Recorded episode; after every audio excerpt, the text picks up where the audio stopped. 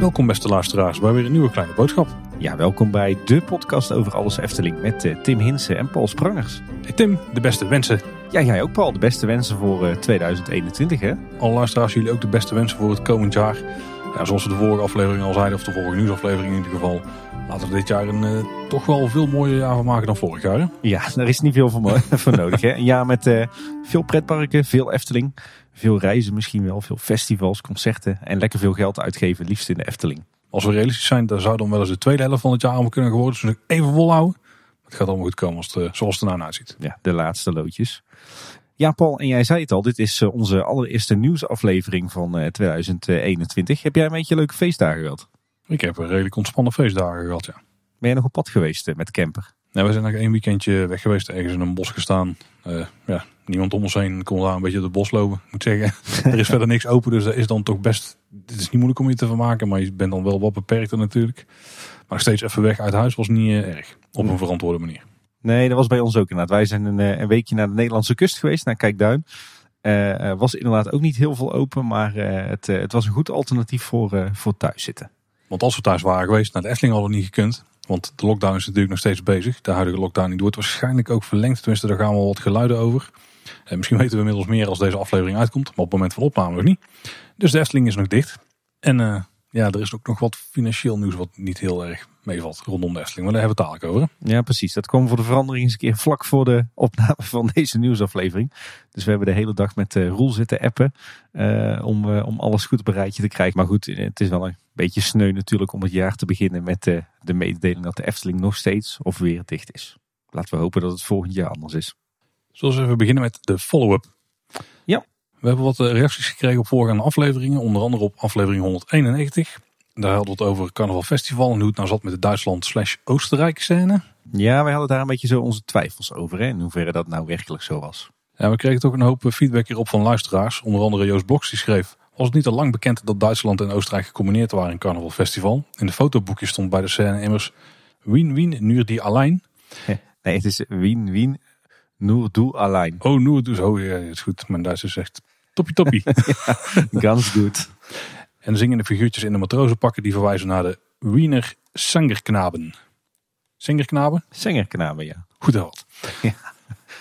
Ja, en we kregen ook nog een mailtje van eh, Floris van der Veen eh, over dit onderwerp. Had een beetje dezelfde strekking. En hij vulde ook nog aan dat eh, Mozart natuurlijk ook een duidelijke verwijzing is naar eh Oostenrijk.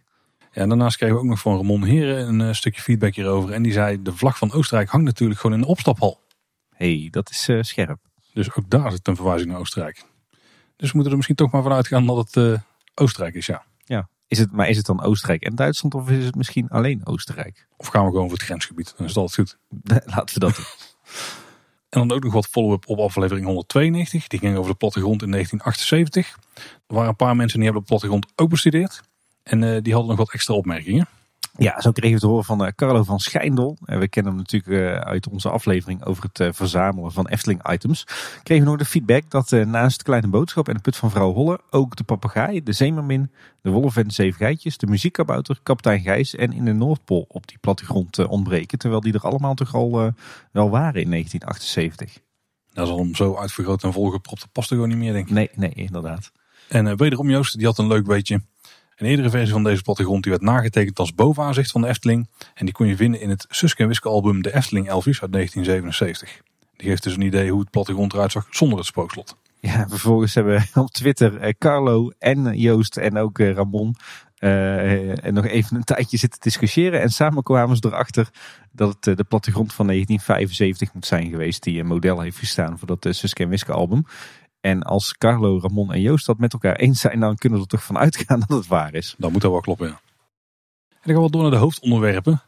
Ja, we hebben de vorige keer een discussie gehad over de winter Efteling en hoe ze daar nu mee verder zouden gaan. En inmiddels is duidelijk wat er gaat gebeuren. Eh, De winter Efteling wordt vroegtijdig beëindigd. Ja, die is uh, beëindigd inmiddels. Hè? Ja, ja, ze zijn nu aan het afbreken, denk ik, as we speak. Ja, inderdaad. We kregen een korte verklaring van de Efteling. En de Efteling zegt, we hebben helaas besloten de winter Efteling vroegtijdig te beëindigen en af te bouwen. Als we op dinsdag 20 januari weer de poorten mogen openen, wat is nog maar even de vraag is, dan zouden gasten nog 11 dagen de winter Efteling kunnen bezoeken in een doorgaans rustige periode. En ervaren zij vanaf begin februari wellicht tot overlast van het afbouwen ervan. Dat plus het goed willen gebruiken van deze sluitingsperiode, heeft ons besluiten de winter Efteling al tijdens deze sluitingsperiode af te bouwen. Hm. Ja, wat vinden we van dat besluit, eh, Paul? Ja, aan de ene kant natuurlijk jammer, want wat er stond, ja, daar zag er goed uit. En ik had er best nog wel eventjes doorheen willen lopen als het weer uh, uh, verantwoord geacht was. Maar ik, ik, denk dat ze hier ook bedoelen is dat ze het nu efficiënter kunnen afbreken en daardoor misschien het ook financieel interessanter kunnen afbreken? Ja, dat weet ik wel zeker. Kijk, het is natuurlijk ook zo, hè, als je nu, eh, het park is nu natuurlijk nog dicht. Laten we er even van uitgaan dat, uh, dat het park inderdaad op 20 januari weer open zou gaan. Uh, dan heb je dan nog maar een paar dagen bezoekers in je park. En vervolgens moet je daarna moet je bij nacht en ontij met allerlei ploegjes moet je die winter Efteling gaan afbreken. Dat kost natuurlijk een hoop geld. Daar moeten misschien wel extra mensen voor worden ingehuurd. Dat moet met externe. Dat moet op, op rare uren. Terwijl nu ja, je, hebt, je zit toch met al je vaste personeel wat gewoon door wordt betaald. Uh, wat weinig te doen heeft. Ja, als je die nu laat afbouwen. Uh, op normale uren, op normale uh, doordeweekse dagen van, van 7 tot, tot 4 zeg maar. Ja, dan heb je en je mensen aan het werk. Dat is denk ik ook goed voor de moreel, want ze doen wat nuttigs. En het kost inderdaad minder dan dat je het allemaal s'nachts moet gaan doen. En je hebt goede verlichting, want je hebt gewoon de zon. Ja, en nul overlast voor de bezoekers natuurlijk. Oh. Uh, ze zien niet allerlei rare tijdelijke situaties en een hoop bouwhekken en dergelijke. Dus ja, bedrijfseconomisch snap ik hem heel goed. Uh, maar ik deel wel jouw gevoel dat ik het wel erg jammer vind. Ik had het voor mezelf persoonlijk ook niet erg gevonden als uh, de winter Efteling wel die laatste elf dagen nog door zou zijn gegaan. Of als ze hem zelfs hadden verlengd tot in februari of misschien zelfs wel maart. Want ja, de winter Efteling is toch altijd wel heel charmant. Een van de mooiste periodes van het jaar. Uh, en, en, bijvoorbeeld de warme winterwei, dat was toch wel een hele fijne plek. Dus in die zin is het zonde. Uh, aan de andere kant, zo zonder muzikaal entertainment en zonder kampvuur, uh, moet ik zeggen dat de Winter Efteling de laatste weken ook wel wat aan charme had ingeboet. Dus ja, ik vind het lastig om hier wat van te vinden, maar van, vanuit bedrijfseconomisch oogpunt snap ik hem wel van de Efteling. Ja. Maar laten we in ieder geval hopen dat we volgend jaar weer gewoon een, een Winter Efteling krijgen die echt van november tot met uh, eind januari duurt op zijn minst. En, uh, en hopelijk een, uh, een mooie reïncarnatie van de warme winterweide. Daar kijk ik nu al naar uit. Dan door naar Bakkerij Krummel. We zijn een tijdje achter die bouwkundige tekeningen aangegaan. Maar uiteindelijk is het Eftelist gelukt om die te pakken te krijgen, Tim. Ja, inderdaad. En we hebben ze grondig bestudeerd. En we zijn er niet zo heel veel wijzer van geworden. Nee, het, het, waren in totaal maar liefst twee bouwtekeningen die Eftelist heeft weten te bemachtigen. Een soort van uitgeklede plattegrond en uh, wat uitgeklede gevelaanzichten. Ja, het is, het is eigenlijk niet meer dan een lijnentekening? Ja, en ik zal nog te kijken van kunnen we misschien iets achterhalen over dat er een toilet zit in het gebouw. Ja, er zit wel een deurtje op die plek waar ik dan een toilet verwacht. Maar is dat dan een ingang van een toilet? Ik, ik weet het nog niet. Misschien zit er intern wel iets, maar dat krijg je dus ook niet echt duidelijk. Want ja, van de binnenkant zien we helemaal niks hoe die is ingedeeld. We zien ook niks van of dat er verschillende verdiepingen zijn die gebruikt kunnen worden. Nee, want er zit echt alleen maar de plattegrond van de begane grond bij. Hè? Ja, kijk, de Efteling heeft een paar jaar geleden een soort van dealtje gesloten met de gemeente. Dat ze uh, nou ja, ze moeten natuurlijk wel alle tekeningen goed indienen uh, voor goedkeuring van de gemeente. Maar de tekeningen die de gemeente moet publiceren, dat is echt uitgekleed tot het, het, meest minimale wat, wat de Efteling moet laten zien. Hè. Eigenlijk een soort uh, massastudies zijn het eigenlijk. Ook als je die gevelaanzichten ziet, is bijna een soort bouwtekening voor een blokkentoren. heel veel spannender dan dat is het niet. Ja, je, je, je kan die tekening een beetje door de ooghaartjes bekijken. En dan heb ik de indruk bij die plattegrondtekening ja, dat het een beetje zo'n klassieke uh, bakkerijwinkel wordt. Hè, zoals we ze ook kennen in Fantasieland en in uh, Disneyland Parijs aan de Main Street USA. Dus met een, een gedeelte waar je binnenkomt, waar je, waar je staat. er zal iets van een toonbank zijn en achter die toonbank wordt gewerkt door, door bakkers. En dan is er een apart zitgedeelte. Ja, eigenlijk een beetje die, die klassieke opzet. Hè. Dat is een beetje wat ik erin zie door de ooghaartjes. En misschien iets van een aanbouw uh, waarin we ook nog wat, uh, wat tafeltjes en stoeltjes kunnen verwachten. Een beetje in die stijl van uh, Aliciana's kruidentuintje, keukentafel, planten, kas. Wat was het ook alweer? Alicianus kruidenkast volgens mij. Dat was hem. Die zocht ik. Die tekeningen zijn inderdaad niet heel interessant. Het enige wat mij opviel is dat uh, aan de achterkant, dus richting Fata Morgana, Ja. daar hebben we een soort back of the house stukje, dus vrij zeker. Eh, er staat één schutting, dus ik verwacht daar wel echt een hele bad groen die daar de rest afschermt. Want het enige wat erop staat is, die, eh, is een schutting. Die staat er ook echt op. Maar dat is niet voldoende om heel de achterkant af te schermen. En er zit flink wel opening en deur in voor het toevoegen van, uh, van spullen. Ik denk maar dat die schutting ook ergens een uh, hekker in heeft zitten, zodat die in ieder geval open kan als we Ja. daar uh, spullen naar binnen kunnen voeren. Dus ik verwacht dat we daar heel veel groen krijgen aan de achterkant. Want nu is het nog gewoon een grasveld. Ja. Dus daar zullen we flink aanplanten. Ja, en komt dan een beetje op dezelfde plek als waar jarenlang al die naaldbomen stonden, hè, achter het eh, podium van de Steenbok. Ja, ja, we kunnen er dus niet heel veel uit achterhalen. Ik vind het wel goed om te zien dat er, uh, dat er geen grote verschillen zitten tussen de impressietekening en de geveltekening die we hebben gezien uh, op de Efteling blog en deze bouwtekeningen. Dus er is daarna uh, weinig meer gewijzigd. Maar ja, het, het blijft gissen. Hopelijk krijgen we op een ander moment toch nog wat meer tekeningen te zien of wat meer informatie. Er is trouwens nog een detail wat me opviel aan die tekening. Als je de twee concept art zag, dan zat daar een verschil in het dak van het uitbuitje aan de voorkant. Dus richting Piranha, zeg maar. Want op de ene tekening had hij een, een puntdak en op de andere had hij een schuin dak wat opliep in het, vol overliep in, het, in de gevel van het, hoofd, van het hoofdbouwvolume. Ja, hey, ik haal hey, dingen er even bij. Ja, ja. ja. En het uh, blijkt dus die laatste te zijn die ze, in, die ze in werkelijkheid gaan bouwen. Dus het dak loopt dan over in het, uh, ja, in het hoofdgebouw, zeg maar. Of daar loopt het tegenaan, dan stopt het. Is meer een, een afdakje dan een op zichzelf staande dakconstructie. Hè? Ik denk ook dat het iets uh, goedkoper is om te bouwen op die manier. Ja, dat weet ik wel zeker. Overigens was dat ook wel te zien nog op die, die twee tekeningen op de blog. Dat, uh, dat die geveltekening recenter was en gedetailleerder dan die, die bird's eye view. Bij deze bevestigd. Dan nog een kleine Polka Marine update. De walvis die is gespot. Ja. En hij staat nu op. Even getromgeroffel. Hij staat op het dienstencentrum. Nou, dat is niet zo heel spannend eigenlijk. Nee, ja, voor, voor het Gildenhuis. Volgens mij lag de piraat er ook nog uh, naast. Ja, zijn ze dan nog iets aan gaan doen? Misschien uh, toen nog opknappen of dat ze ergens anders plaatsen of zo? Of is het allemaal wishful thinking? Ja, we hebben nog helemaal niks gehoord van wat er met die walvis gaat gebeuren. Hè? Maar het, het, feit dat hij uh, toch heel voorzichtig uh, van zijn sokkel is gehaald. En dat hij nu op het dienstencentrum staat, heel netjes, geeft toch wel aan dat ze hem niet gaan wegdoen. De, de, hij, hij, gaat wel een, een nieuwe functie krijgen.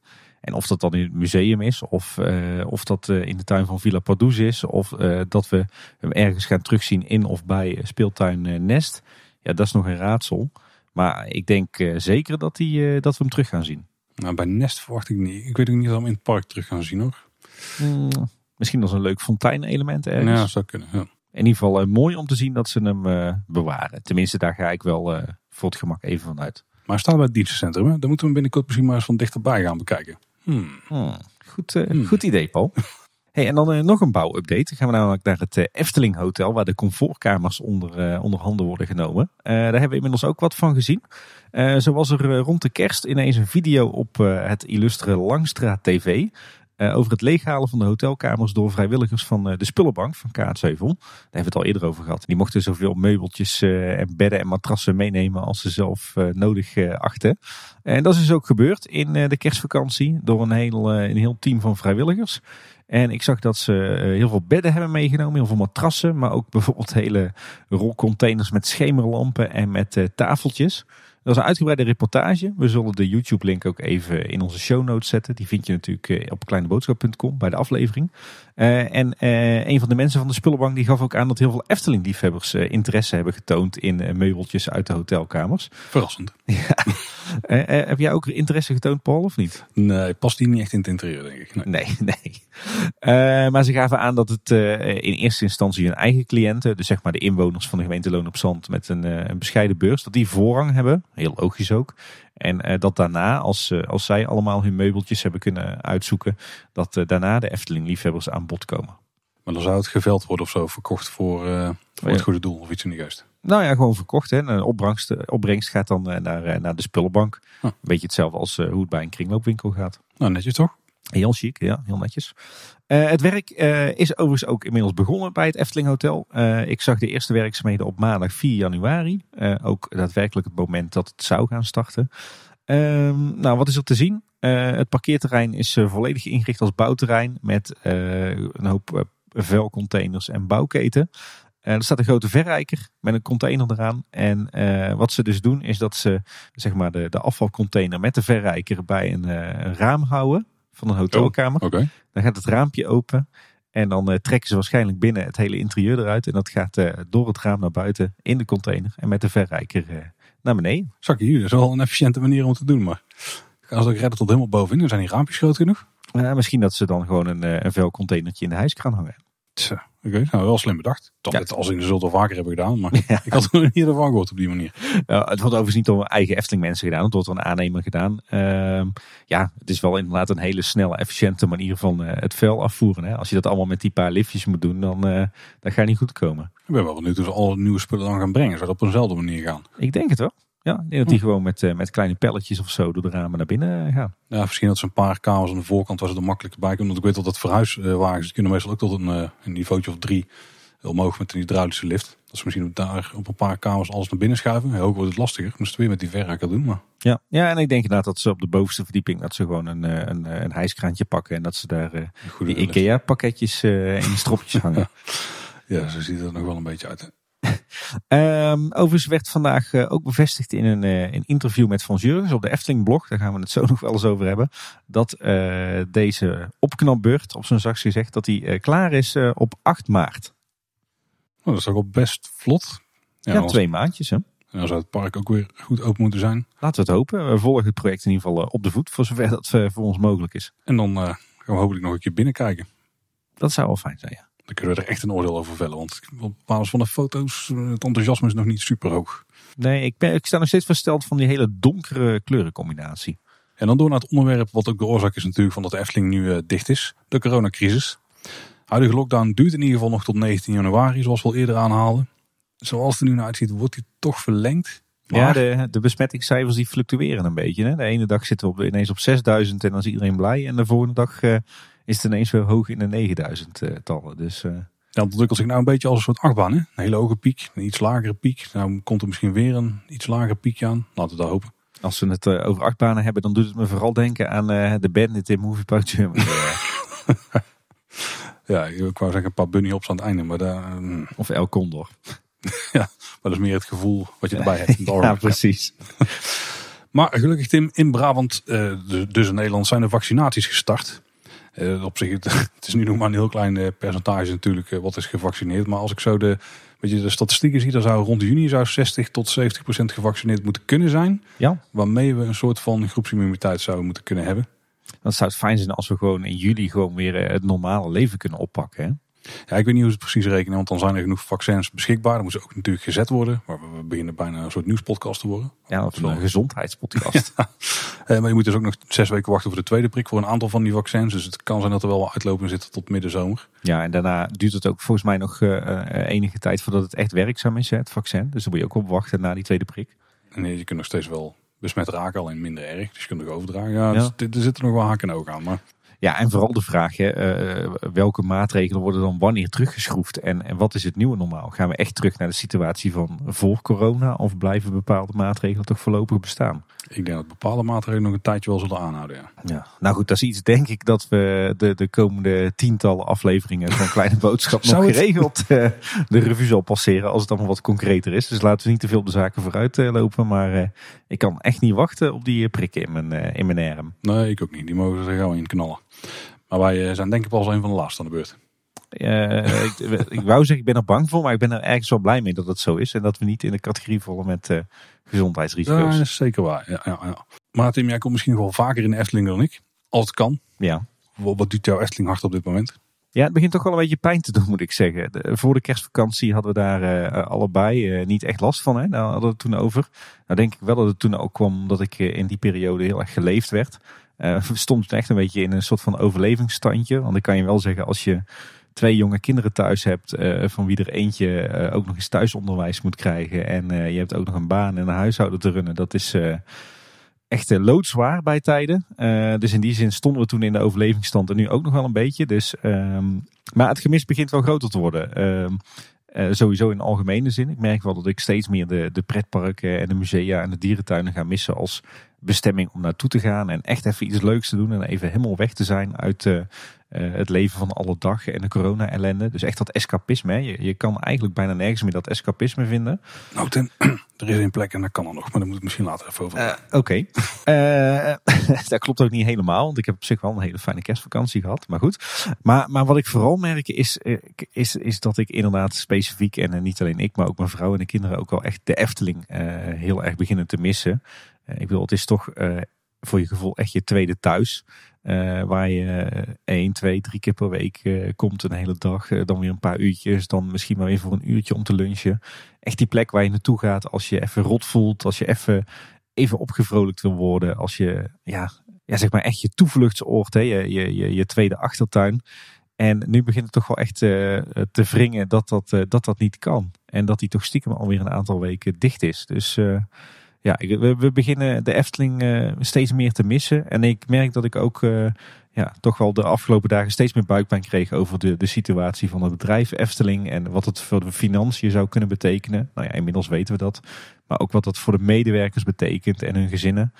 Dus ik krijg er wel steeds meer buikpijn van, van deze lockdown. Maar eh, ja, uh, zeker ook omdat we er nu gewoon niet naartoe kunnen. En ik zou echt, uh, ik zou het heerlijk vinden om weer even een rondje door de Efteling te kunnen lopen nu. Ja, ik zit ook wel vooral een beetje in mijn maag met het financiële stukje bij het park natuurlijk. en het is bijna jammer dat we al in daar al niet om naar het park kunnen zodat er überhaupt weer pingels binnenkomen en dat we die zelf daar ook uit kunnen geven. Klinkt wel heel schraal, want we hebben natuurlijk de webshop al van ons kunnen kopen. Maar dan ga ik het echt alleen maar gewoon rotzooi kopen om rotzooi te kopen. En dan krijg ik niet voor terug waar ik ook echt op zit te wachten. Ik geloof dat er nog een paar duizend Carnaval Festival pins waren, Paul. Dus eh, nee, een paar duizend al niet meer. Oké. Okay. Uh, zijn nee, dan het ook op dit moment over. Ja. Maar inderdaad, ik heb ook zin om gewoon geld uit te geven in de Efteling. Al is het maar om het bedrijf te steunen en al die mensen te steunen die er werken. Maar ja, we sparen het maar even op dan hè. Het zijn toch wel een paar kantinemaaltijden van de geld dat van ons binnenkomt. Ja, nou ja, als ik uh, terugkijk wat ik in een gemiddeld jaar uitgeef, dan je de aardig van, van in de kantine eten. Ja. Er zitten nog wel een paar lichtpuntjes eh, in dit hele corona gedoe, want de Efteling is wel creatief. De vorige keer had het al bijvoorbeeld over het Efteling sprookjesdiner.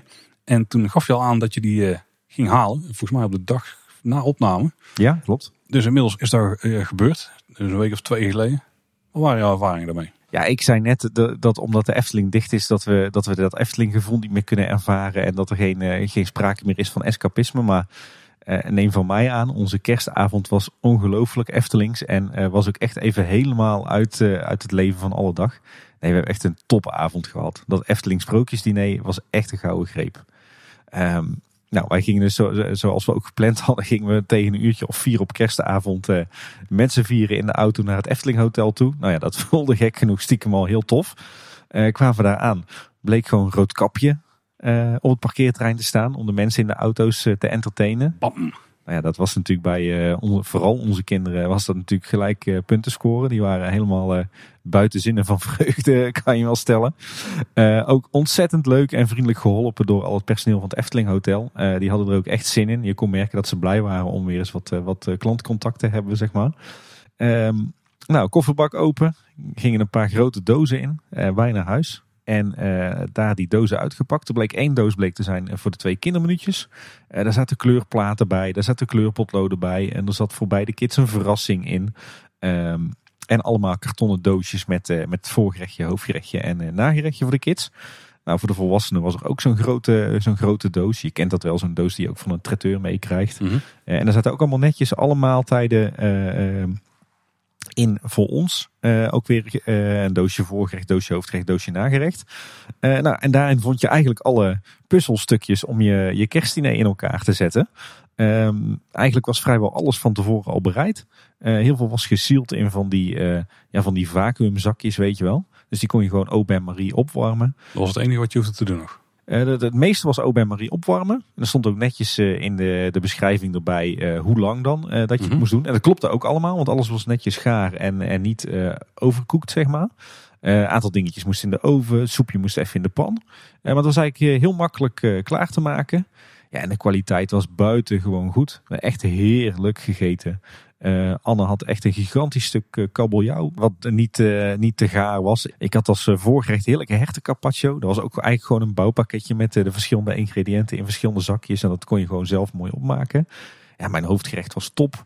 Hertenbiefstuk, maar ook, eh, wat zat er nog meer bij? Eh, lekker aardappelpuree met je rode kool, een, eh, lekker zuutje, wat, eh, wat, eh, wat groentes die, eh, die, die net aan waren gekookt. Het was echt top. En, en ook de toetjes waren een hele ervaring. Want wij als volwassenen hadden, eh, ja, dat, dat is zo'n zo'n toetje wat je in meer verblijfsaccommodaties van de Efteling kunt krijgen. Dat zijn die, eh, ja, die appeltjes van marsepein met daarin Mhm. room en een vulling van, eh, van appeltjes en krentjes. En de kinderen hadden een, een sprookjesboom als, als toetje. Dus dat is een, een stam van ijs en bla, gebladerte van eh, groene suikerspin. En daaromheen wat, wat, wat crumble, wat dan het, het zand moet voorstellen, zeg maar. Heel tof. Klinkt Dus ja, het was echt, eh, het smaakte bijzonder goed. Het was eh, ja, gewoon een hele toffe ervaring. Want we zijn eigenlijk van vier uur s middags tot acht uur s avonds ermee bezig geweest. Ja, en het was eh, super Eftelings. Dus dit was echt een, een mega goede zet. We hebben er echt van genoten, goed gegeten. En ja, wat, wat eigenlijk een hele saaie avond zou moeten worden, was ja, een van de tofste momenten van de kerstperiode voor ons. Dus ja, ik, ik kan hier alleen maar ontzettend blij mee zijn. Ja, ik heb raar al foto's van langs zien komen. Het zag er echt heel goed uit. We hebben ook nog een mailtje daarover gehad van Daniel Elbers. En die schrijft: Hoi Paul en Tim. Graag wilde ik jullie even onze ervaring vertellen met het Efteling Sprookjesdiner. Met beide kinderen ben ik naar Kaatsheuvel gereden. Dat ongeveer 70 kilometer voor ons. En het was zeker de moeite waard. Het afhalen was prima geregeld. Rood kapje stond er ook. Dus met name mijn jongste dochter was er heel enthousiast over. En het eten werd netjes in de kofferbak gezet. En het zag er allemaal heel verzorgd uit. Op eerste kerstdag hebben we alles bereid. De kids vonden het superleuk om zelf een paddenstoel voorgerecht te maken. En opgegeten. En alles smaakte even lekker. Wat ons betreft voor herhaling vatbaar. Ook al hoop ik heel erg dat de volgende kerst de restaurants gewoon open zijn. Nou Daniela, daar daar hopen wij zeker met jou mee. Zeker, maar ik denk dat het een het ander niet uitsluit hoor. Ik denk dat, eh, dat de Efteling er best volgend jaar wel eens een, eh, een gokje aan zou kunnen wagen om dit erin te houden. Eh, want ik denk dat hier best wel markt voor is. Zeker naar, eh, naar het enthousiasme van dit jaar. Eh, want ik had de indruk dat heel veel Efteling-liefhebbers en abonnementhouders uiteindelijk hiervoor gekozen hadden. En ik heb alleen maar enthousiaste geluiden gehoord. Dus het zou me niks verbazen als dit ook volgend jaar een succesnummer wordt. Want je kan immers niet, niet drie of vier kerstdagen iedere avond uit eten, toch? Dus als je dan toch een avondje thuis wil eten, dan haal je gewoon Efteling sprookjesdiner. Ja, en volgens mij was het ook populair. Want waren niet alle sprookjes ineens uitverkocht? Ja, klopt inderdaad. Een aantal dagen van tevoren. Overigens hadden ze wel netjes gedaan hoor. Want het was helemaal niet druk op parkeerterrein. Ze werkten met tijdvakken. En echt maar een paar auto's per tijdvak. Dus, er, eh, dus hadden ook alle tijd om, eh, om nog even wat toelichting te geven. Eh, je werd ook helemaal niet opgejaagd of zo. En er stonden ook geen lange files. Dus dat zat echt goed in elkaar. Nou, als we dan nog meer over lichtpuntjes hebben. Je kan natuurlijk op dit moment wel nog verantwoord de natuur intrekken. En daarbij bleek wel dat het Loonse Land en het Keizerspoor erg populair zijn bij de luisteraars. Want eh, Ja. wij zijn heel vaak getagd in berichten van mensen die daar een rondje gingen lopen. En, eh, en bijna unaniem melden hoe, eh, hoe tof ze dat vonden. Ja, dus eh, zeker een aanrader. Hè? Als je nu toch een, een vleugje Efteling gevoel wilt meekrijgen. Ga dan inderdaad eens een bezoekje brengen aan het Loonse Land en, en aan het Keienspoor. Absoluut een aanrader. En luister onze aflevering daarover even met Ivo Soetmaier. Dan ben je helemaal voorbereid en dan kun je de blitz maken bij jouw gezelschap. ja. En alle feitjes vertellen van wat daar te zien is. ja, en we hebben ook nog een, een audiotour over het Loonse Land gemaakt ooit. Hè? Ja, ik weet niet in hoeverre het de bedoeling is dat je heel het park daar gaat afstruinen. Maar eh, je kan in ieder geval langs de rand officieel. hè. ja, precies. Hey, weet je- weet je wat mij trouwens nog opviel, Paul? Als we het dan toch over eh, coronacrisis en kerstvakantie hebben. Dat kan van alles zijn. Ik heb geen idee. Ehm, eh, wat mij opviel is dat het kantoor Ravelijn de hele kerstvakantie volgens mij gesloten was. Normaal gesproken is daar altijd wel licht aan. Ook tijdens de, de coronacrisis was dat zo, zelfs in het weekend en 's avonds. Eh, en voor mijn gevoel was het nu de hele kerstvakantie gewoon donker. Alle hekken van het parkeerterrein ook dicht. Dus het zou me niks verbazen als ze gezegd hebben van... weet je wat, eh, iedereen pakt vrij in de kerstvakantie... want er is toch niks, eh, niks te doen, niks te halen. Of als je dan toch moet werken, doe dat dan vanuit thuis... en we houden het kantoor gewoon dicht. Ja, misschien iedereen zijn nagel opmaken. Ja, ja, klinkt logisch. De Efteling zelf heeft er in ieder geval van alles aan gedaan om niet vergeten te worden tijdens eh, de lockdown. Er zijn natuurlijk berg met blokberichten de wereld in geslingerd. Eh, onder andere dingen die je thuis zelf kunt doen, zoals maak zelf deze winterse drankjes uit de Efteling. En daarbij eh, krijg je dus uitleg over, je, over hoe je bepaalde drankjes moet maken. Je had het niet verwacht aan de hand van de titel. Hè? Nee, Dat is te goed omschrijven in dit geval. Het waren trouwens drankjes die ik, die ik niet per se meteen kende. De winterwonderdrank en Klaas Vaak slaapdrankjes. Niet echt klassiekers uit het park, toch? Nee, maar die laatste klinkt interessant. Dus gewoon eh, drie eh, glaasjes schrobbelair en één druppeltje water of zo. En, eh, en een aspirintje. Maar die moet je dan op je nachtkastje leggen voor de dag. Precies. Goed om de coronacrisis door te komen. Uh, nee, nou, ik heb wel even gekeken, maar het is, kost nog best wel wat moeite om ze in elkaar te klussen hoor. Daar ben je niet zomaar mee, mee klaar. Het is een andere, andere moeilijkheidsniveau dan het Efteling sprookjesdiner. Ja, en een van onze favoriete toevoegingen aan het park van 2020 is natuurlijk het scheetkussenorgel. Oh, in je elleboogval, in je elleboog. Ja. En de piano van het Kleuterhof is natuurlijk ook een eh, element in het park waar wij zeer content mee zijn. Een klassieker. Ja, en die heeft de Efteling samen ingezet op een best wel toffe manier eigenlijk als kerstwens. Een ludieke kerstwens op Twitter onder andere. Volgens mij heb ik hem op meer social media kanalen gezien. Waarbij die twee samen een duet gingen spelen. Ja, twee, twee, twee dames hè, die bij de Efteling werkten. Met goed muzikaal gevoel. Die uh, speelden samen een kerstliedje. En goed montagewerk. Laten we dat ook niet vergeten. Op uh, de dag voor oudjaar was er trouwens een uitgebreid uh, blogbericht verschenen. een terugblik op het jaar 2020. waar we trouwens konden lezen dat ze in één jaar tijd 188 blogposts hebben geplaatst. Dat is gewoon onderdag eentje. Ja. Ja, dat sluit ook wel een beetje aan bij, bij het, het gevoel wat ik erbij had. Ja, en, daarin liepen ze eigenlijk gewoon maand voor maand de belangrijkste gebeurtenissen langs. Hè, met iedere keer de linkjes naar de bijbehorende blogberichten. Dus de 188 blogposts lijkt natuurlijk veel, maar technisch gezien is ruim de helft daarvan gewoon promotie. dat is gewoon ja. reclame. Maar goed, we hebben zeker niks te klagen over het Efteling-blog. Ik denk dat heel nee, veel uh, pretparkliefhebbers van andere parken daar heel jaloers op zijn. En eindelijk een plek waar we dan hoge resolutie afbeeldingen van nieuwe attracties zou kunnen vinden. Ja, inderdaad. En uh, allerlei leuke blikjes achter de schermen. Hè? Ja, van die kleine cola blikjes en uh, 7-Up heb ik al zien staan. Of bedoel... We vat nog een aspirintje. Oh. Morgen vroeg. En op social media had Efteling ook nog een nieuwjaarswens gezet. In dit geval met Max en Moritz. En die uh, had zich niet aan het vuurwerkverbod gehouden. nee, inderdaad. Dat in Belhamels zijn het toch, hè? Laten we het daar uh, maar ophouden. Ja. ja. En dan het laatste hoofdonderwerp, Tim. In de aflevering die we hebben gemaakt over de financiën van de Efteling, toen hebben we ons al samen met Roel af zitten vragen van wat zouden de cijfers van 2020 gaan doen. Ja. Nou, 2021 is inmiddels begonnen. De meeste bedrijven die sluiten het jaar eh, wat later af, zeg maar. Als in, dan hebben ze de complete boekhouding gedaan. Dan weten ze de definitieve cijfers. Maar toch werden de laatste weken wat dingen duidelijk over de financiële situatie van de Efteling. Uh, onder andere uit de mail die de directie naar het personeel schreef. Uh, eerder was namelijk de financiële situatie van de Efteling ernstig. Zo begrepen we zelf. Ze hebben daar een aantal klassificaties voor. Waarbij ja. ernstig, de, er zitten nog twee niveaus boven, zeg maar, die nog vervelender zijn. Uh, maar nu is de situatie zeer ernstig. En volgens mij is de, degene die daar nog boven zit, is uitzichtloos. Ja, die is heel toepasselijk zwart gekleurd, die fase. Zover is het er niet over, gelukkig. nee. Uh, ja, in die mail van de directie aan het uh, personeel stond nog een toelichting. Uh, het is even afwachten wat de toekomst ons gaat brengen. We zijn afhankelijk van wanneer het park weer open kan en er weer inkomsten gegenereerd kunnen worden. Daarnaast hopen we in aanmerking te komen voor overheidssteun via de derde NOW-regeling.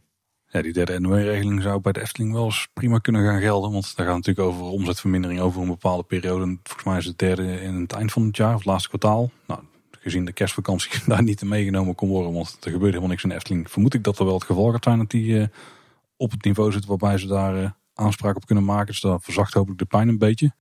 Maar het is natuurlijk niet goed om te horen, dit soort uh, signalen. Nee, en wordt ook steeds concreter. Want vandaag kregen we eerst een, een toelichting van een woordvoerder. Ehm, en hij zegt, de lockdown zorgt voor oplopende verliezen. Failliet zullen we wel niet gaan. Nou, thank god. Uh, maar hoe langer we dicht zijn, hoe uitzichtlozer. Dan moeten we extra maatregelen treffen. De verliezen lopen momenteel behoorlijk op en dat zullen we echt moeten gaan beperken. Ja, dat kan op dit moment ook niet anders, want ja, het park is dicht en dan komt er vrij weinig binnen. Ze proberen nu zowel via de webshop dan nog wel aan te doen. Maar het wordt eigenlijk nog concreter, Tim. Want het interview met Fons Jurgens op de Eftelingblog, wat we al eerder aanhalen, daar stonden ook wat details over de financiën in. En daarin schrijven ze dat de verwachting is dat ze 2020 gaan afsluiten met een netto verlies van 17 miljoen euro. En voor zover wij weten is hier de NOW en een bijdrage van, de, van Stichting Natuurpark de Efteling al in meegenomen. Ja, dit is inderdaad het, het uiteindelijke netto resultaat. Dus uh, daar gaat verder niks meer vanaf. Ja, misschien dan nog een heel klein stukje NOW 3. Ja, zou kunnen. En dat staat natuurlijk tegenover een eh, winst van ruim 19 miljoen in 2019 op een omzet van 228 miljoen. Dus dat is toch wel echt... Hm. je zou bijna zeggen als je die winst dan kan gebruiken om het verliezen weg te poetsen. Maar zo werkt dat dan natuurlijk ook weer niet. Nee, nee, zo werkt het zeker niet. Nou, kijk, in, in de basis is het natuurlijk... Uh, kijk, 17 miljoen euro is een verschrikkelijk grote hoeveelheid geld. Om maar even een open deur in te trappen. Ik heb het zelf niet op de bankrekening staan. Nou ja, als je dat wel had gehad, dan had het waarschijnlijk uiteindelijk toch weer op de bankrekening van de Efteling staan. Dus Precies. dat maakt het niet uit. Ja, dat is een mooie, ja. Nee, weet je, 17 miljoen euro is gewoon gigantisch veel geld. Uh, zeker als het gaat om rode cijfers. Um, maar je zou het inderdaad kunnen versimpelen met dat het, het bedrag wat de Efteling normaal gesproken aan winst maakt, is wat ze nu aan verlies maken. Uh, dus inderdaad, uh, je zou zeggen als ze volgend jaar weer een, uh, een goed jaar draaien, dan kunnen ze die winst gebruiken om dit verlies mee goed te maken. Is niet helemaal zo. Want op het moment dat Efteling nu uh, flink in de min schiet, uh, dan moeten ze daar natuurlijk ook rente over betalen, over die roodstanden. Uh, dus uiteindelijk kost je dat meer dan het inlopen van dat verlies.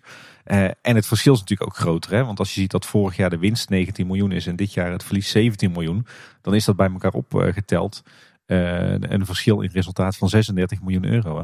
Ja, dat is toch een goede symbolica. Ja, absoluut. Aan de andere kant, je moet natuurlijk ook wel een beetje nuanceren. Want uh, ergens is die 17 miljoen euro verlies uh, helemaal niet zo'n hoog bedrag. Want we weten dat de Efteling uh, normaal gesproken tegen de 200 miljoen euro per jaar aan kosten maakt. En dan hebben ze dit jaar natuurlijk wel hun best gedaan om minder kosten te maken. Er is minder geïnvesteerd, er is minder aan onderhoud uitgevoerd. er is net wat minder personeel ingezet, met name de, de vakantie- en weekendkrachten natuurlijk. Um, maar toch een heel belangrijk aandeel van de kosten is gewoon door blijven lopen. En ze hebben natuurlijk ook een berg extra kosten gemaakt eh, in het kader van de coronacrisis. Dus ja, als je het dan hebt over, uh, nou laten we het versimpelen naar uh, 170 miljoen uh, kosten. En je draait uiteindelijk een verlies van 17 miljoen. Dan is het nog maar een heel klein bedrag. Hè? Dan betekent dat dus dat ze toch stiekem nog best wel wat omzet hebben gedraaid dit jaar. Ja, ik kan me niet voorstellen dat ze, dat ze 170 miljoen hebben omgezet dit jaar. Dat is dan het cijfer waar ik denk ik heel benieuwd naar ben voor van 2020. Ja. ja, we zullen nog een paar maanden moeten wachten tot het, uh, het jaarverslag er is, is mijn verwachting. Mhm. Zodra dat er is, dan, uh, dan gaan we het meteen bestuderen. En dan nemen we zo snel mogelijk weer een af, uh, aflevering op met Roel van Tilburg. daar hebben we zoals gezegd vandaag al de hele dag een hotline mee om dit, dit te duiden. Maar ja, al met al dus dikke rode cijfers voor de Efteling dit jaar. We weten dat het in ieder geval het grootste verlies ooit is. Ik weet namelijk dat het volgens mij was het in de jaren 60 of 70 dat de Efteling ook niet altijd even goed draaide. Maar goed, dit zijn natuurlijk wel uh, imposante bedragen eh, in rode cijfers. Dus ja, slechte cijfers. Misschien net niet zo rampzalig als we allemaal bang voor waren, maar uh, best pittig nog. Even nog twee dingen hierover. Want dus, je zit dus al, zeg maar, de pijn is al wat verzacht door een uh, schenking of een bijdrage van Stichting Natuurpark de Efteling. Ja. Vergeet dat niet. En die NOW, dat was al 9 miljoen. Dus als je die al niet meerekent, dan was het bedrag dus al 26 miljoen geweest. Dan hebben we ook nog die schenking van de stichting. Nou, je weet wat dat, wat dat voor bedrag is geweest. Ja, en, en waar je daar ook nog bij na moet denken, is dat het natuurlijk uiteindelijk een sigaar uit eigen doos is. Hè? Want als, ze die euro's, als de stichting die euro's nu uitgeeft aan uh, het, het redden van de Efteling, tussen aanhalingstekens, uh, die euro's kun je niet later nog een keer uitgeven als investering. Of als lening aan het park tegen gunstige ja. rente. Die zo dan ergens extern moeten halen. Nou zal dat waarschijnlijk geen probleem zijn. Want kijk, het voordeel is van die 17 miljoen. Als je zegt, die, dat moeten we op een manier wegpoetsen. Ik denk niet dat dat per se nodig is bij de Efteling. Maar eh, als je die op een manier moet wegpoetsen. Dan kun je zeggen, nou de komende jaren, zeg maar vanaf 2022 verwachten we wel weer gewoon volle omzet te kunnen draaien. Ja. Dan zou je kunnen zeggen, binnen drie jaar dan kunnen we de, het verlies van, zoals het er nu uitziet, 2021 zou niet per se een rampzalig jaar hoeven te worden. Dan zou je dat nog kunnen wegpoetsen, zeg maar. Ja. Dat, dat klinkt mij realistisch. Uh, Roel uh, die zit nou te schreeuwen tegen zijn telefoon. En die hangt, die hangt meteen in de WhatsApp dat we het verkeerd zeggen. Dus sorry, dan komen we er weer op terug. Dus daar aan de ene kant. Vergeet ik niet dat hier flinke bezuinigingen mee gemoeid waren. We weten dat de investeringsadruk tot 30% van het, hetgene wat beoogd was.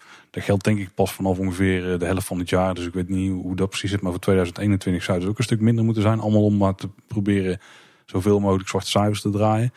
En als de Efteling wel had opengemogen in de kerstvakantie. En ja, het is logisch dat het niet het geval is. Maar ik denk dat ze er wel in niet op hadden gerekend. Tenminste, toen het in de zomer ook best wel goed ging. Dan denk ik dat toch al flink meer richting de nul waren gekomen. Dat had goed een, nou ja, het zal misschien niet die volledige 17 miljoen zijn geweest. Maar met verblijf, uh, mensen die het park inkomen, een miljoentje of nou ja, 8 tot 10 erbij nog.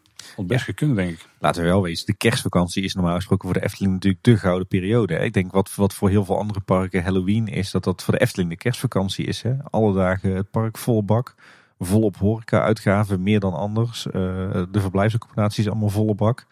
Uh, ook daar meer horeca-uitgaven. Ja, dit, dit, was een hele mooie tijd geweest als het park en, uh, en verblijf open was geweest. Maar goed, dat is niet het geval. Ja, even als we dan kijken naar de toekomst. Ik denk inderdaad dat ze heel blij zijn als ze in 2021 uh, bij wijze van spreken break-even uh, kunnen spelen.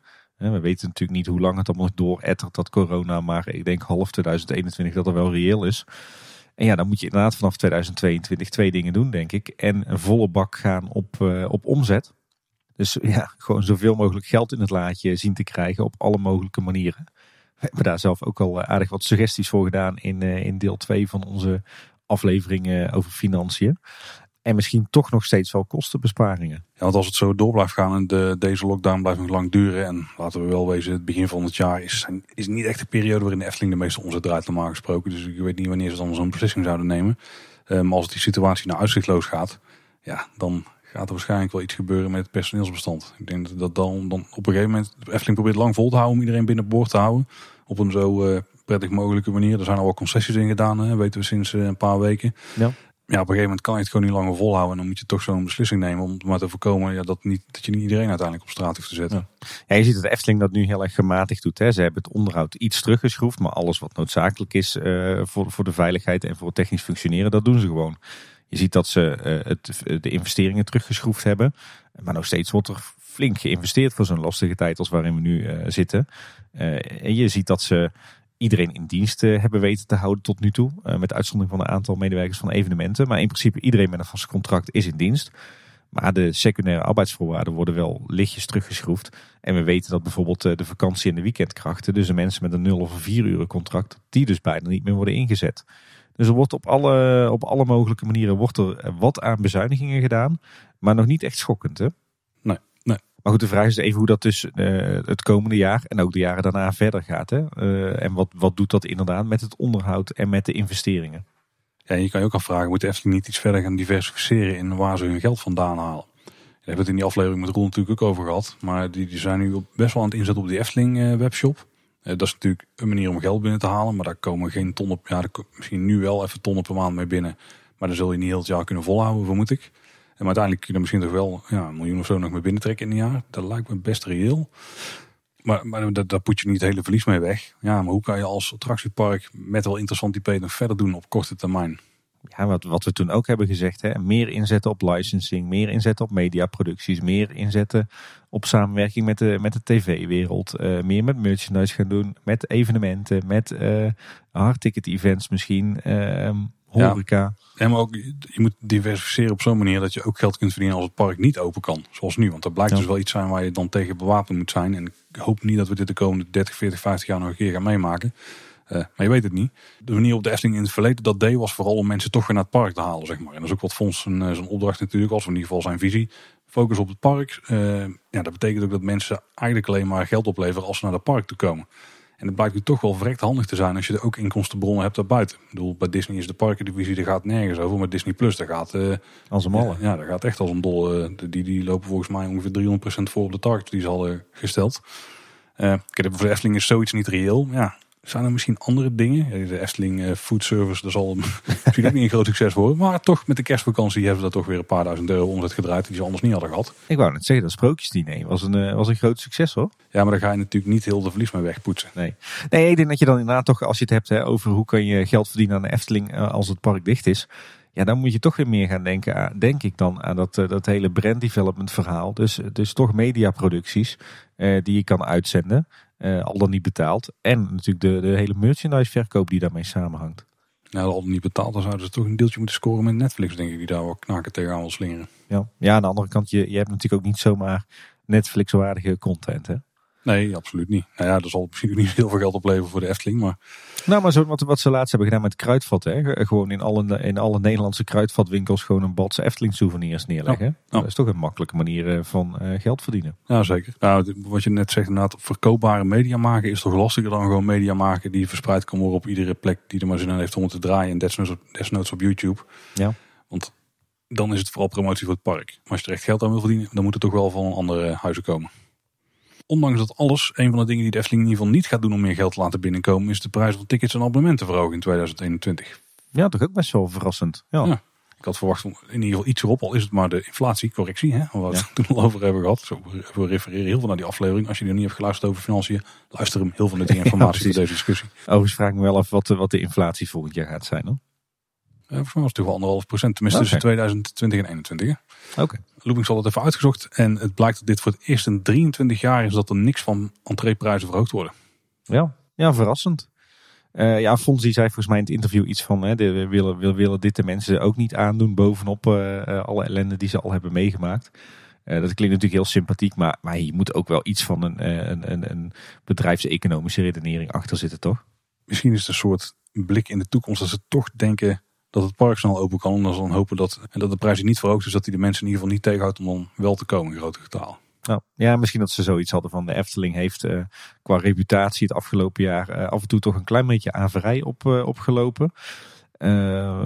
ja, een prijsverhoging zou dan misschien nu niet handig zijn. En misschien dat het juist wel heel sympathiek wordt gevonden dat de prijs niet omhoog gaat. En dat de Efteling daar dan toch weer wat meer die gunfactor mee krijgt. Ja. Er was ook nog een artikel van Omroep Brabant wat ik iets meer achtergrondinformatie gaf. Daar werd daarin onder andere duidelijk dat het personeel is gevraagd om het personeelsabonnement minder vaak te gaan gebruiken. Dus waarschijnlijk om mensen binnen te laten die je misschien meer uitgeven in horeca. Krijgt personeel er korting op? Ja, tenminste in mijn tijd was er wel uh, een bepaalde korting op uh, eten en drinken, ja. Maar die hebben we als abonnementhouders ook, 5% uit mijn hoofd. Is het zoiets of is het wel iets... Uh, nou, nou, nou, gaan we echt diep ver terug in de tijd. Nou ja, volgens mij als je aan het werk was, dan kreeg je wel, wel serieus korting. Volgens mij 50% of zo. Maar of dat nou ook was als je niet aan het werk was. Ja, je moest dan wel je personeelspas laten zien. Ik, ik durf het niet meer te zeggen, Paul. En misschien dat, want dat is het enige wat ik kan voorstellen. Want op zich is het zelfs het personeel die naar het park komt. Die neemt wel een plek weg van iemand die met een abonnement komt. En misschien is dat dan ongunstig voor hoe vaak die mensen met abonnementen kunnen komen. Of zo, ik weet het niet. Maar die geven in principe ook gewoon geld uit in het park. Want de kop is Efteling leidt 17 miljoen verlies. Personeel gaat het merken. Eh, daarin soms zijn allerlei maatregelen op aan die secundaire arbeidsvoorwaarden van het Efteling personeel. Die wij, eh, wat zal het zijn, 1, 2 maanden geleden al brachten. Uh, dus mogelijk is dit ook oud nieuws en gaat het erover dat, uh, dat een tijd lang uh, het personeel niet het park in mocht in de vrije tijd. later is dat teruggebracht naar niet in de weekenden en de vakanties, geloof ik. Dus, dus ik ben benieuwd in hoeverre dat dit nieuw is. Maar wat, wat wel nieuw was ten opzichte van wat we verder hebben gelezen, is dat er in 2021 27 miljoen euro geïnvesteerd gaat worden. terwijl er 85 miljoen euro op de planning stond voor 2021. En dat zijn toch wel twee interessante bedragen. Ja, dus dan missen we wel 58 miljoen. En dat is dan precies die, uh, die 70% die niet geïnvesteerd wordt. Want er wordt maar 30% geïnvesteerd. Maar wat hadden we daar dan voor op de planning staan? Ja, dan kom ik toch eigenlijk maar bij één ding uit. Ja, ik ook. Ik, ja, volgens mij had dit dan de uitbreiding van het reisrijk moeten zijn met uh, Grand Circus Balancé. Ja, en dan het uh, uitmaken van het terrein en het uh, gewoon bij het park trekken daarvan. Dan moet er infrastructureel echt wel flink veel aangepast worden. Ja, Kleuterhof, Efteling Hotel, café, restaurant. Ja, ik weet niet of het, ja, als je dat allemaal bij elkaar pakt, dan is die 58 miljoen misschien wel realistisch. Maar je kan misschien ook de herbouw van het huisje van mevrouw Hol in zitten. Misschien de paddenstoelenparcours, dat soort zaken. Ja, ik weet niet of ze dat als, als investering of als uh, onderhoud zien. Oh ja, dat is wel een goeie. Maar ik, ik denk, als, ik, hè, als we alle plannen die we hebben gezien en gehoord voor, uh, voor Strookrijk, zal ik het maar even zeggen. Uh, inclusief al die bijkomende projecten. Vergeet trouwens ook de, de hele interne verbouwing van de begane grond van het Efteling Hotel niet. En natuurlijk de buitenruimte dan kom je eh, makkelijk aan 58 miljoen hoor. Als, eh, als totaalbedrag voor die hele ontwikkeling. Hmm, ja, er zit ook horeca bij. Inveels. Totaal uh, themagebiedje, ja. ja. ja. Nou, dus het, het, zou best wel eens kunnen dat dit inderdaad gewoon strookrijk is wat is gesneuveld. Wat dan trouwens ook alweer dit, dit bedrag enigszins verzacht. Want het, het lijkt nu dus alsof er uh, 58 miljoen euro aan investeringen is geschrapt. Maar goed, de Efteling had al eerder aangekondigd dat ze strookrijk voorlopig niet gingen ontwikkelen. En ze kunnen het ook niet, want ze hebben nog geen toestemming van de Raad van State. Dus in hoeverre is dit dan een bezuiniging op investeringen vanwege die slechte resultaten dit jaar? Want, want ik, ik geloof eerlijk gezegd niet dat er, uh, dat er andere investeringen op de rol stonden uh, voor 2021. Uh, die bij elkaar opgeteld tot dit bedrag komen. Dus dit, dit moet wel met die reisrijkuitbreiding te maken hebben. Maar even nog een keer terug naar de cijfers. Want de omzet van vorig jaar was 228 miljoen. Ja, van 2019 hè? Ja, 2019 inderdaad. Ja, we zouden dit jaar 85 miljoen gaan investeren. Dat is gewoon een derde van je totale budget van een jaar. Meer zelfs dan een derde. Dat doen ze dan ieder jaar. Dit moet gewoon die uitbreiding zijn. Dit is echt een hele grote investering. Je moet ze ook gewoon geld voor geleend hebben anders. Dit is een enorme investering, ja. Dit, dit kan je niet uit cashflow doen. Nee, nee, dit, dit kan niet uit de omzet komen. Dit is inderdaad, uh, hier zullen ze ook een deel voor uh, moeten zijn gaan lenen. Ja, dan willen ze daar risico ook niet aangaan. Die rentelast ook niet aangaan op dit moment. Dat lijkt me inderdaad een, hele, een heel verstandig besluit. En, en je kan voorlopig toch nog niks doen, hè, zolang, je geen goedkeuring hebt van de Raad van State. Nou, oh. nou dat sowieso. Nou, daar gaat in ieder geval een puntje voor mij, helaas. maar goed, uh, 2021 is nog niet om, hè? Dat is ook uh, zeker waar. Ja. ja. Maar goed, er wordt dus wel 27 miljoen euro geïnvesteerd. En dat is eigenlijk in deze tijden toch een behoorlijk fors bedrag nog. Dat zijn uh, hendig twee, dat zijn bijna twee barons. Of anderhalve baron. Ik weet niet meer precies, was het 18 miljoen? Twee Max Moortje. was 15 toch? Was het 12? Ik weet het, ik ben helemaal kwijt. ik heb een blackout. Nee, volgens mij was het 12 inderdaad of zo. Ehm, maar ja, waar, gaat- waar gaat die 27 miljoen in zitten? Want, want we weten, hè, de comfortkamers van de Efteling Hotel worden verbouwd. Daar kennen we niet het investeringsbedrag van. Ehm, we, we weten dat, eh, dat Nest wordt gebouwd dit jaar. We weten dat Bekkerij Krumel wordt gebouwd. Eh, dat, die kosten beide enkele miljoenen. Ik kan me voorstellen dat eh, dat ook geldt voor de comfortkamers. Maar dan kom ik niet aan 27 miljoen. We hebben de zonnepanelen ook op vak M. Ja, dat is natuurlijk een investering. Die doen ze niet uit de omzet. Maar die krijgen ze één op één uit de portemonnee van de stichting. Mhm. Ja, misschien nog wel een verrassing aan het eind van het jaar. Misschien er toch weer een sprookje in. Ja, misschien toch het huisje van vrouw Holle dan wat nog wat opgebouwd. Nou ja, we kunnen doorgaan naar het onderhoud, Tim. Dan eh, kunnen we het er even over hebben. Dat is een mooi bruggetje inderdaad. Ja, laten we dat Dan gaan we het over onderhoud hebben. Ja, precies. Genoeg over euro's eh geouwehoerd. Eh onderhoud. Ja, er was weer eens iemand die stelde weer de vraag aan Ed Efteling van hoe zit het nou met het huisje van vrouw Holle. En het statement nu is, op dit moment is dat nog niet bekend, maar wij zijn vrouw Holle in ieder geval niet vergeten. Had hij dat niet beter aan Efteling zelf kunnen vragen? Ik weet niet wat Ed Efteling daarvan moet weten. Is dat de broer van Bert Efteling, of niet? Valt nog een aspirintje, Paul. morgen vroeg, morgen vroeg. Gaat echt gebeuren. Eh, nou ja, wij zijn de vrouw Holle in ieder geval ook nog niet vergeten, Efteling. dus, eh, maar goed, ja, het is dus nog niet bekend. Dus het, ik ben bang dat, eh, dat dit nu op het lijstje staat met uitgestelde investeringen. Vrij zeker, ja. Overigens vindt momenteel nog steeds onderhoud plaats in de Efteling. Iets wat ik gespot heb deze week is dat er onderhoud werd uitgevoerd aan de Python. Daar stond een hijskraan bij de lift, dus misschien dat er een nieuwe ketting in ging. En het viel me ook op dat ze, dat ze weer aan het graven zijn bij Aquanura. Daar in die hoek, eh, zeg maar achterin tussen theater en Fata. Daar hebben ze al een hele tijd, eh, zijn ze daar bezig geweest dit voorjaar met graafwerk en, en leidingwerk. En dat ligt weer allemaal open, dus, eh, dus misschien werkte dat nog allemaal niet naar behoren. En overigens heb ik ook de indruk dat, dat ze het vaste personeel goed aan het werk houden. Natuurlijk nu deze periode om de winter Efteling op het gemakje af te bouwen. Dat is natuurlijk ook nog een voordeel. Hè? Nu je het niet s'nachts hoeft te doen, eh, kun je natuurlijk ook meer de tijd voor nemen en het eh, zorgvuldiger doen. Eh, maar, maar daar wordt het personeel dus, dus mee aan het werk gehouden. Maar ook voor alle andere onderhoud. Zo viel me op dat er een ploegje bezig was met het, het poetsen van de lantaarnpalen. Hm. Ook echt zo'n klus voor in deze tijd natuurlijk. En er werd ook volop gewerkt met bladblazers, met, met bosmaaiers en ook met hoge drukspuiten. Her en der werd het straatwerk schoongespoten. Dus ja, het lijkt er echt op dat, eh, dat het vaste personeel gewoon moet komen werken. En eh, ja, dit soort onderhoudsklussen doet die vrij simpel in te plannen zijn. En eh, waar ook niet veel materiaal en materieel voor nodig is. Dus dan kost het je eigenlijk alleen maar de arbeid. En ja, je moet de mensen toch betalen. Dus dan liever op deze manier. Waar we eigenlijk niks meer van hebben gezien, dat zijn die eh, posts op social media door personeelsleden zelf. Waar ik een hele theorie over had, maar dat blijkt er niet te kloppen. Ja, jij dacht dat het voor, eh, met voorbedachte raden was. Hè? Dat het een vooropgezet plan was. Maar Nou ja, dat is Efteling, niet... Efteling gratis idee, doe dat wel gewoon. Hè. Stuur gewoon een fotograaf het park in of iemand van jullie social media afdeling die mooie plaatjes kan schieten. Laat die maar wel mensen meelopen, laat die foto's zelf op social media zetten en taggen met eh, hashtag Efteling. En dan komt het helemaal goed. Ja, het is natuurlijk ook super voor het, voor het moreel van het personeel. Hè? Als je zo mag shinen op social media met het, eh, het onderhoudswerk wat je doet. Gewoon doen, vinden we ook helemaal niet erg. Nee, inderdaad. En dan kunnen we de deel van het draaiboek ook een beetje verder uitbreiden, want eh, we zijn er eigenlijk al doorheen.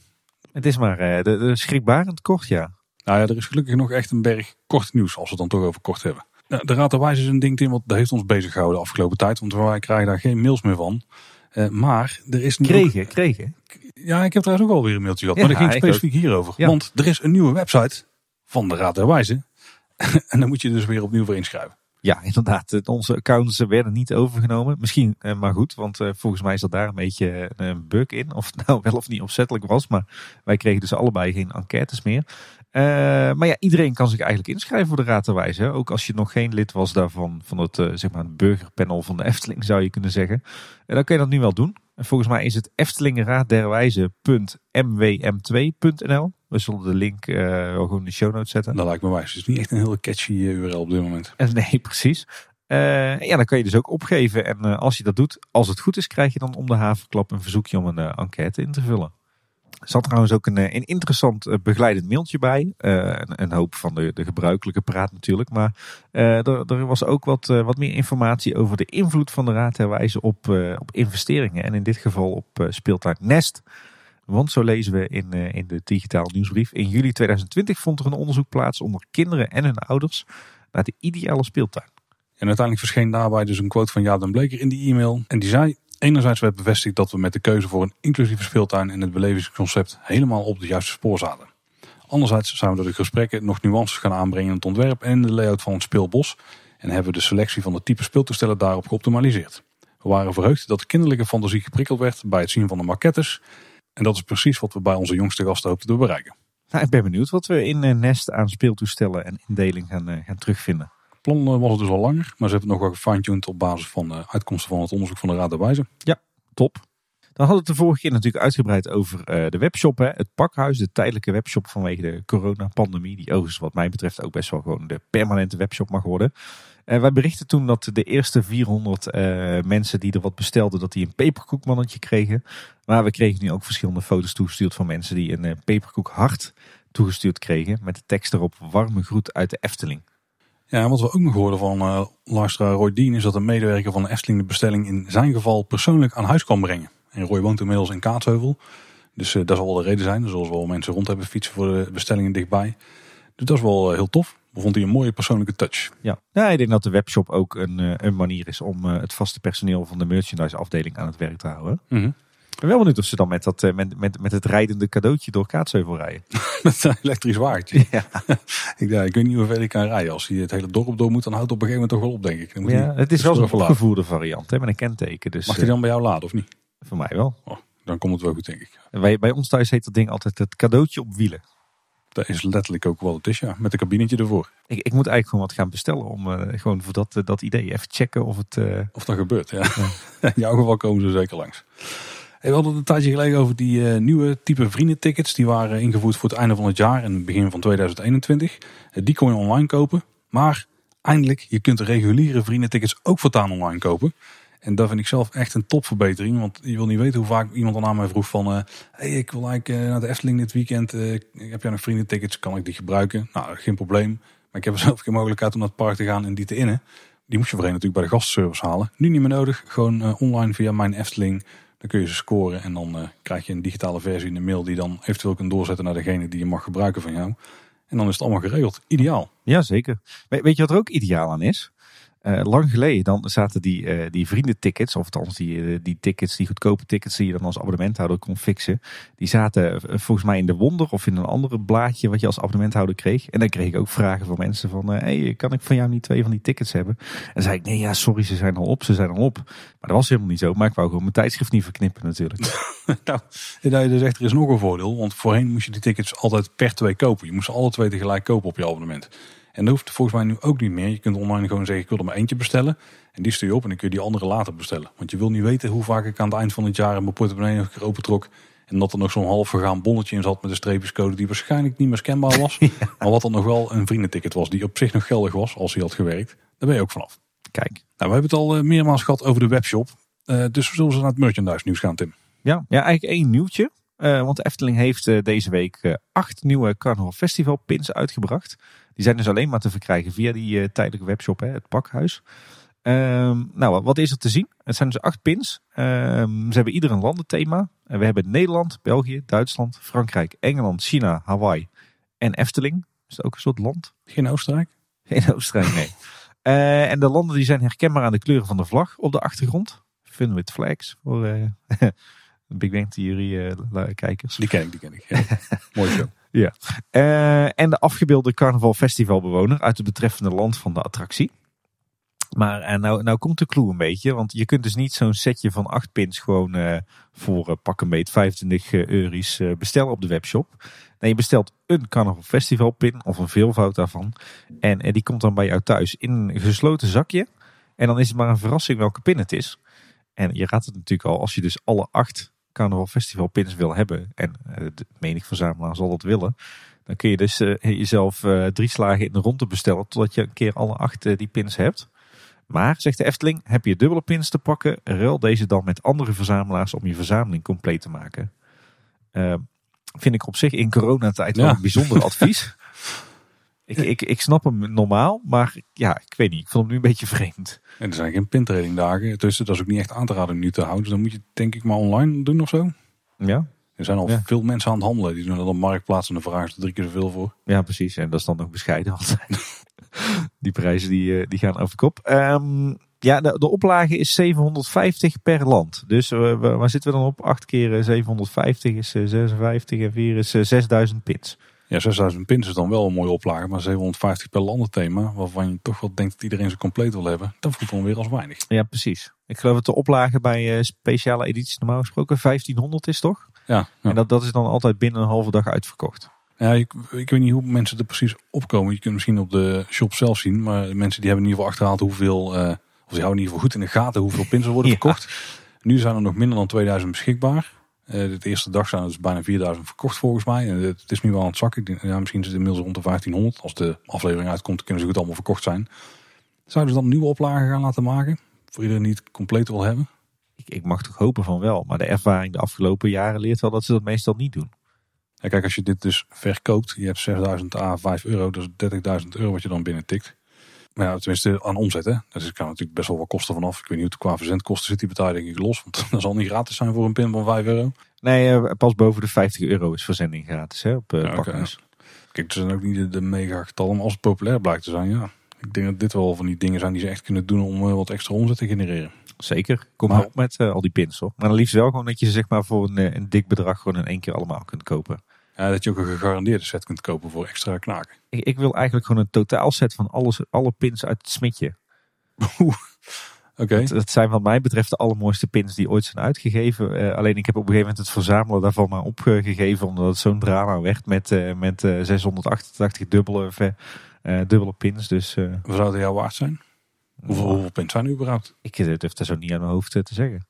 Waar is eh, Carlo als je hem nodig ja. hebt? Hè? Nou, Carlo laat ons weten en uh, laat ook weten wat dan een reële prijs zou zijn. Ik zou zeggen 50 euro zou ik hem maar geven.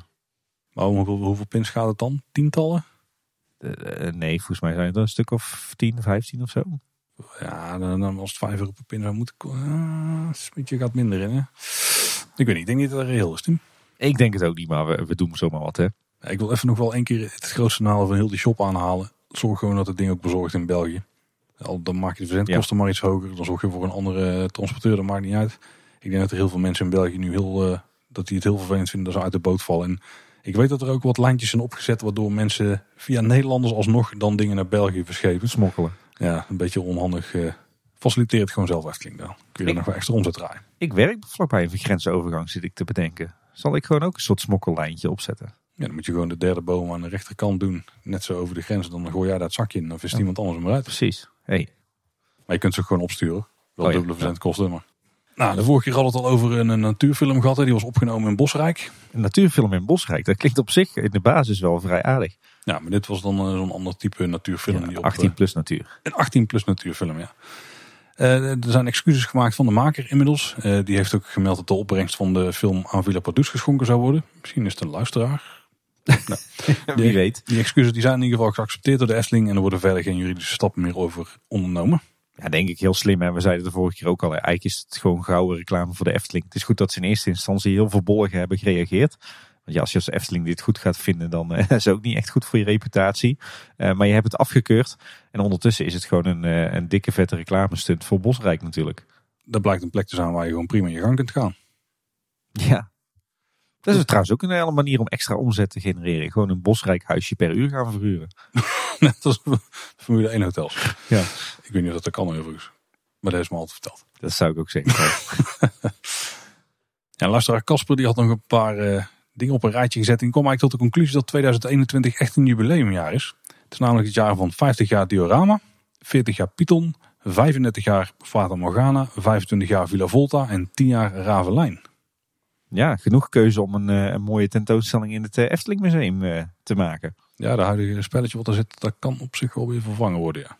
Nou, dan eh, alhoewel mijn oudste dochter daar niet zo heel blij van zou worden, maar ik op zich wel. We moeten daar gewoon een iPad variant van maken. En dan kunnen ze daar nog spelen. Misschien kan het wel eens een Efteling app. Ik bekijk dat ding niet dagelijks. Of de, de Efteling Kids app. Ja, overigens denk ik met, uh, met de hand op de knip dat er uh, weinig uh, thema tentoonstellingen in het Efteling Museum gaan plaatsvinden hoor. Ja, ja, ja. Wat, wat, zou jij willen als je zou kunnen kiezen uit het lijstje? Fata Morgana natuurlijk. Of Villa Volta. Fata Morgana natuurlijk. Ja. Maar we krijgen al in 2021 een soort kijk achter het scherm. Daar is misschien is Villa Volta dan toch wel handiger. Ja, precies. Want de vijf zintuigen neemt Fata Morgana al voor een uh, rekening natuurlijk. Ja. Hm. Ik pleit voor Villa Volta. Die in Ravelijn kan ook gestolen worden. Hey, er was ook een eh, video van eh, Unlimited Vision and Sound achter de schermen bij de kerstconcerten van Ogene. Uh, check die via het linkje in de show notes. Ik heb ze zelf niet gecheckt, maar uh, vast interessant. Ik uh, ook niet. Nou, mooi. Dan zijn we ook goed, goed op de hoogte. Er zijn vast luisteraars die het hebben gekeken. Hey, wat echt enorm tof was, is ja. een serie aan uh, posterontwerpen die we hebben langs zien komen op Twitter. Die zijn gemaakt door Femke, Sinaasappelgirl. Uh, die hebben volgens mij al vaker genoemd door creatieve dingen die zij online doet. Zeker. Nou, die is het nu van nu bezig aan een lijn van attractieposters van de Efteling. Ja, ja wij hebben de, de vorige keer dat we, volgens mij hadden we het in de vorige nieuwsaflevering twee weken geleden ook al over attractieposters. Maar toen waren ze volgens mij van uh, Toverland en Disneyland Parijs, zeg ik even uit het hoofd. En inmiddels heeft ze ook een uh, schitterende attractieposter gemaakt voor Mystery Castle in uh, Fantasieland. Een van mijn all-time favorites. En nu dus ook een, uh, een poster van Symbolica. Ja, en die is echt heel tof. En er zit nog meer in het vat, want er gaan nog heel veel meer van die posters aankomen. En wil je die nou hebben? Want ja, de Efteling brengt dit soort posters dus niet zelf uit. Efteling, er is dus markt voor, blijkt ook weer. Die kun je zelf kopen. Het linkje staat daarvoor in de show notes. Maar als je snel meeschrijft, shop.spreadshirt.nl slash sinaasappelart. En die posters zijn echt zo ongelooflijk vet. Als je die, uh, die uh, klassieke Disney post, attractieposters hebt. Hè, die je bijvoorbeeld in Disneyland Parijs uh, in de onderdoorgang ziet van het station. Ja, echt dat steltje. Hè, met je dat retro aquarelachtige impressionisme steltje. Ja, dat doet het gewoon super goed met, met pretparkattracties. Ja, dat kan ze echt fantastisch. Dit, zijn een stuk voor stuk posters om je vingers bij af te likken. En ik vraag me wel af, Paul. Betekent dit voor mij een puntje voor de glazen bol? Nee. Ah, kak. Tenzij Wrestling ze zelf ook gaat verkopen. Maakt niet uit wie ze dan maakt, maar als ze in het park terechtkomen, dan, dan krijg je daar zeker een puntje voor. Ik ben voor attractieposters. Wat mij betreft mogen ze ook best in het park worden opgehangen. Maar waar dan? Nou, bijvoorbeeld gewoon in een mooi schildje aan een lantaarnpaal of zo. Maar het moet wel passen in de omgeving dan, zou ik denken. Ja. Zou wel plekken waar het zou kunnen, ja. Hij staat hier nu bij ons in het draaiboek, Tim, als, uh, als een videotip. Maar ik denk dat we dit Twitter-account gewoon nogmaals moeten noemen als uh, gewoon een volgtip. En dat is uh, de stamtafel op Twitter. En die plaatst gewoon echt een hele berg beelden van de Efteling uit video's van ja, eigenlijk allerlei periodes. Ik zag toevallig net wat foto's binnenkomen die met redelijk matchen met onze rondleiding door de Efteling over het plattegrond. Onder andere van het prieeltje daar naar het spookslot. Die zit er heel netjes in. Dus als je die nog wil zien, ga dat soort dingen zeker checken. Maar check gewoon ja, eigenlijk de hele story van posters die we hebben gedaan in de afgelopen maanden. Want er zitten heel veel toffe beelden bij. Ja, absoluut. Dat is uh, wat dat betreft ook weer eye-candy. We zullen trouwens de link naar uh, de betreffende, het betreffende draadje over het eindje aan de jaren 80... zullen we weer even in onze show notes knallen. Wat we trouwens ook in de show notes zullen zetten... is een linkje naar een YouTube-video van de Van Oosterhoutjes niet al te beste kwaliteit, maar die hebben een, een, uitgebreide video online gezet van de Efteling in 2001.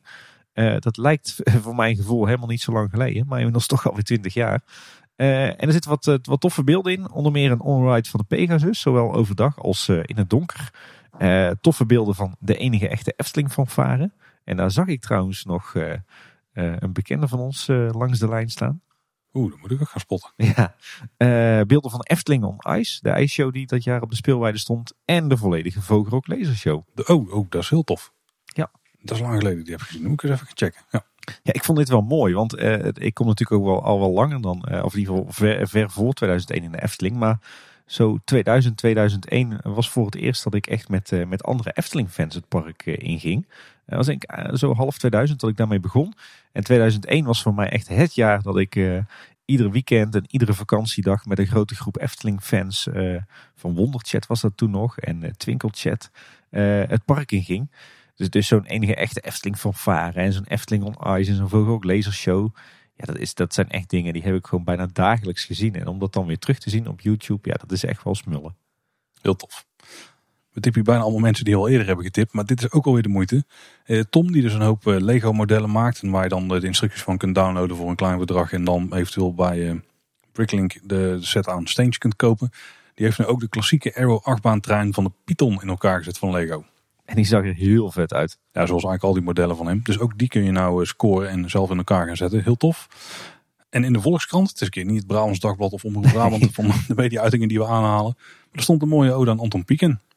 Ja, je zegt mooie ode, maar het, het, ging over het werk van Piek en waar dat hij zijn inspiratie vandaan had gehaald. En dat is wel ook wel een lichte, ja, beschuldiging, knipoog, vraagteken van of het niet richting plagiaat ging. Dus het was een beetje een artikel met twee kanten. En wie zou er dan moeten plagiëren of wat? Ja, dan moet je het artikel maar eens lezen. Is dat een werkwoord? Plagiëren? Plagiëren klinkt wel plausibel. Nee, ja, dat, ik, vond een beetje een, een, een, een, ik kreeg er een beetje een dubbel gevoel van. Aan de ene kant staat een ode aan het, het werk van Anton Pieck en, en een uitleg waarom het zo populair is. Maar aan de andere kant werden er wel wat aardig wat vraagtekens gezet bij waar hij zijn inspiratie vandaan haalde. En of daar niet erg veel overeenkomsten zaten met werk van andere kunstenaars. Dus het, het was een, een beetje dubbel, dubbel verhaal. Uh, was ook weer de uitspraak: Everything is a remix. Nou, dat klopt dan ook toen in die het, tijd al. Ja, ja. Dan, uh, dan zijn we door het korte nieuws heen en dan gaan we naar uit de periferie. Uh, Tim, er was jou heel wat opgevallen rondom onze gemeente. En Ja. een naburige gemeente. Ja, eigenlijk sowieso een heel bijzonder project. Eh, het Van Gogh Nationaal Park. Eh, ik heb me lang afgevraagd wat het nou precies is, maar wat ze willen doen. eh, de, een aantal toeristische organisaties hier in de provincie is dat ze een aantal natuurgebieden, waaronder de Loonse en Drunense Duinen en de Oosterwijkse bossen en vennen en nog wat andere natuurgebieden in het hart van Brabant willen ze gaan samenvoegen tot één nationaal park. Mhm. En dat het thema Van Gogh geven, omdat er een aantal van die gebieden zijn die als inspiratie hebben gediend voor de schilderijen van Van Gogh. En hij heeft hier ook in de, in de buurt verbleven en gewoond en zo. Eh, een hoop marketing en een hoop, eh, hoop grootse plannen. Eh, de Efteling participeert daar ook in, net zoals de, de provincie en volgens mij, wat is dat, Leisure Point en zo. Maar wat is nou opvallend? Zowel de gemeente Waalwijk als de gemeente Loon op Zand, die hebben nu allebei besloten om niet mee te doen aan het Van Gogh Nationaal Park. De gemeente Loon op Zand die geeft aan dat er geen geld voor is. Het zou dan gaan om een jaarlijkse bijdrage van maar liefst 12.500 euro. Ehm, want schijnbaar bleek, eh, wa- was het zo dat in eerdere plannen, eh, dat als het dan een nationaal park zou worden, eh, dat, dat dan die club de taken van de gemeente zou overnemen. Denk dan aan het onderhoud en het toezicht en het afvalruimen in de gebieden. Dat, dat gebeurt nu, of hebben de gemeentes nu uitbesteed aan natuurmonumenten. Ze betalen daar wel voor en die betaling zou dan, blijven, zou dan gaan vervallen. Maar nu is aangegeven dat ze toch aan natuurmonumenten moeten blijven betalen voor het beheren van het gebied. Ja, en dan is het te duur. Dus eh, de gemeente Loon heeft zich teruggetrokken uit dat project. En de gemeente Waalwijk die doet hetzelfde. En die zegt nee, wij willen ons volledig gaan richten op het natuurgebied Westelijke Langstraat. En niet op het Van Gogh Nationaal Park. Dus ja, toch bijzonder als eh, twee gemeentes, eh, twee toch grote recreatieve gemeentes binnen zo'n nationaal park ineens zeggen wij doen niet mee, want het kost ons te veel. Toch ben ik er wel daar een beetje trots op onze gemeente. Want ze hebben eindelijk de begroting op orde en ze gaan ook niet dit soort zaken doen. Ja, en nee, ergens zit dit plan ook wel doorspekt van luchtfietserij hoor. Ik weet niet of je dat gezien hebt in de kranten. Dat plan om op, eh, wat was het, vijf, zes of zeven plekken allerlei enorme uitkijktorens te gaan bouwen. Ja, die, met, er waren nogal indrukwekkende artist impressions. Ik weet niet hoe daarvoor, eh, ik weet niet hoeveel gemeenten 12.500 euro gaan eh, bijdragen. Maar Nee, het ging over geloof ik richting de 10 miljoen per uitkijktoren of zo. Zo. En dan nog dit. We zullen eens beginnen met de vraag van Afterpark Lounge. Die hadden namelijk wat statistieken over een podcast in de aflevering opgenomen. En eh, die vroegen zich daarbij tussen neus en lippen af van hoeveel heeft Kleine Boodschap eigenlijk opgenomen in 2020? Daar weet ik daar het antwoord niet precies op, maar ik weet wel een paar dingetjes. We hebben 59 afleveringen uitgebracht in 2020. Eh, en een gemiddelde aflevering van nu, maar dit is over het totaal, is 1 uur en 21 minuten. Dat valt mij nog mee. En als je dan naar het totaal kijkt, dan hebben we 261 uur en 29 minuten aan content live staan. Als je het op, één speed, op, op normale snelheid luistert. Dus, eh, je, dus dat, dat was het. Dat zijn onze statistieken. Specifiek voor 2020 weet ik het eigenlijk niet. Daar zou ik even moeten uitrekenen. Dit ook al verrassend vond Paul. Volgens mij waren wij de pretpark podcast met het kortste en bondigste jaaroverzicht eh, deze keer. dat wel hè. En, dat voor, en dat voor kleine boodschap. Atypisch kleine boodschap. Nou ja, je moet gewoon alle afleveringen erbij pakken. Want dat was waarschijnlijk ons jaaroverzicht geweest als we gewoon het jaar hadden herbesproken. Ja, inderdaad. Ja, dat weten we dus niet. Maar oké, 59 keer eh 80 minuten. Heel veel minuten. Ja. En nog een kijktipje. Ja, ik ben er zelf onderdeel van, dus misschien een beetje eh scheve reclame. Maar ehm Team Park Science Live, daar mocht ik dus aanschuiven aan tafel. Eh dat was Peter van Holstein te gast, de hoofdontwerper van Toverland. En eh, daar waren nog wel extra vragen van kijkers eh, binnengekomen. Die hebben we toen ook nog gesteld aan Peter naar de rand. En ik had zelf ook nog eh, wat, wat meer dingen die ik wilde weten. Die staat nu inmiddels online als nieuwjaarsshow van Team Park Science Live. Dus check die op YouTube. Het linkje staat in de show notes.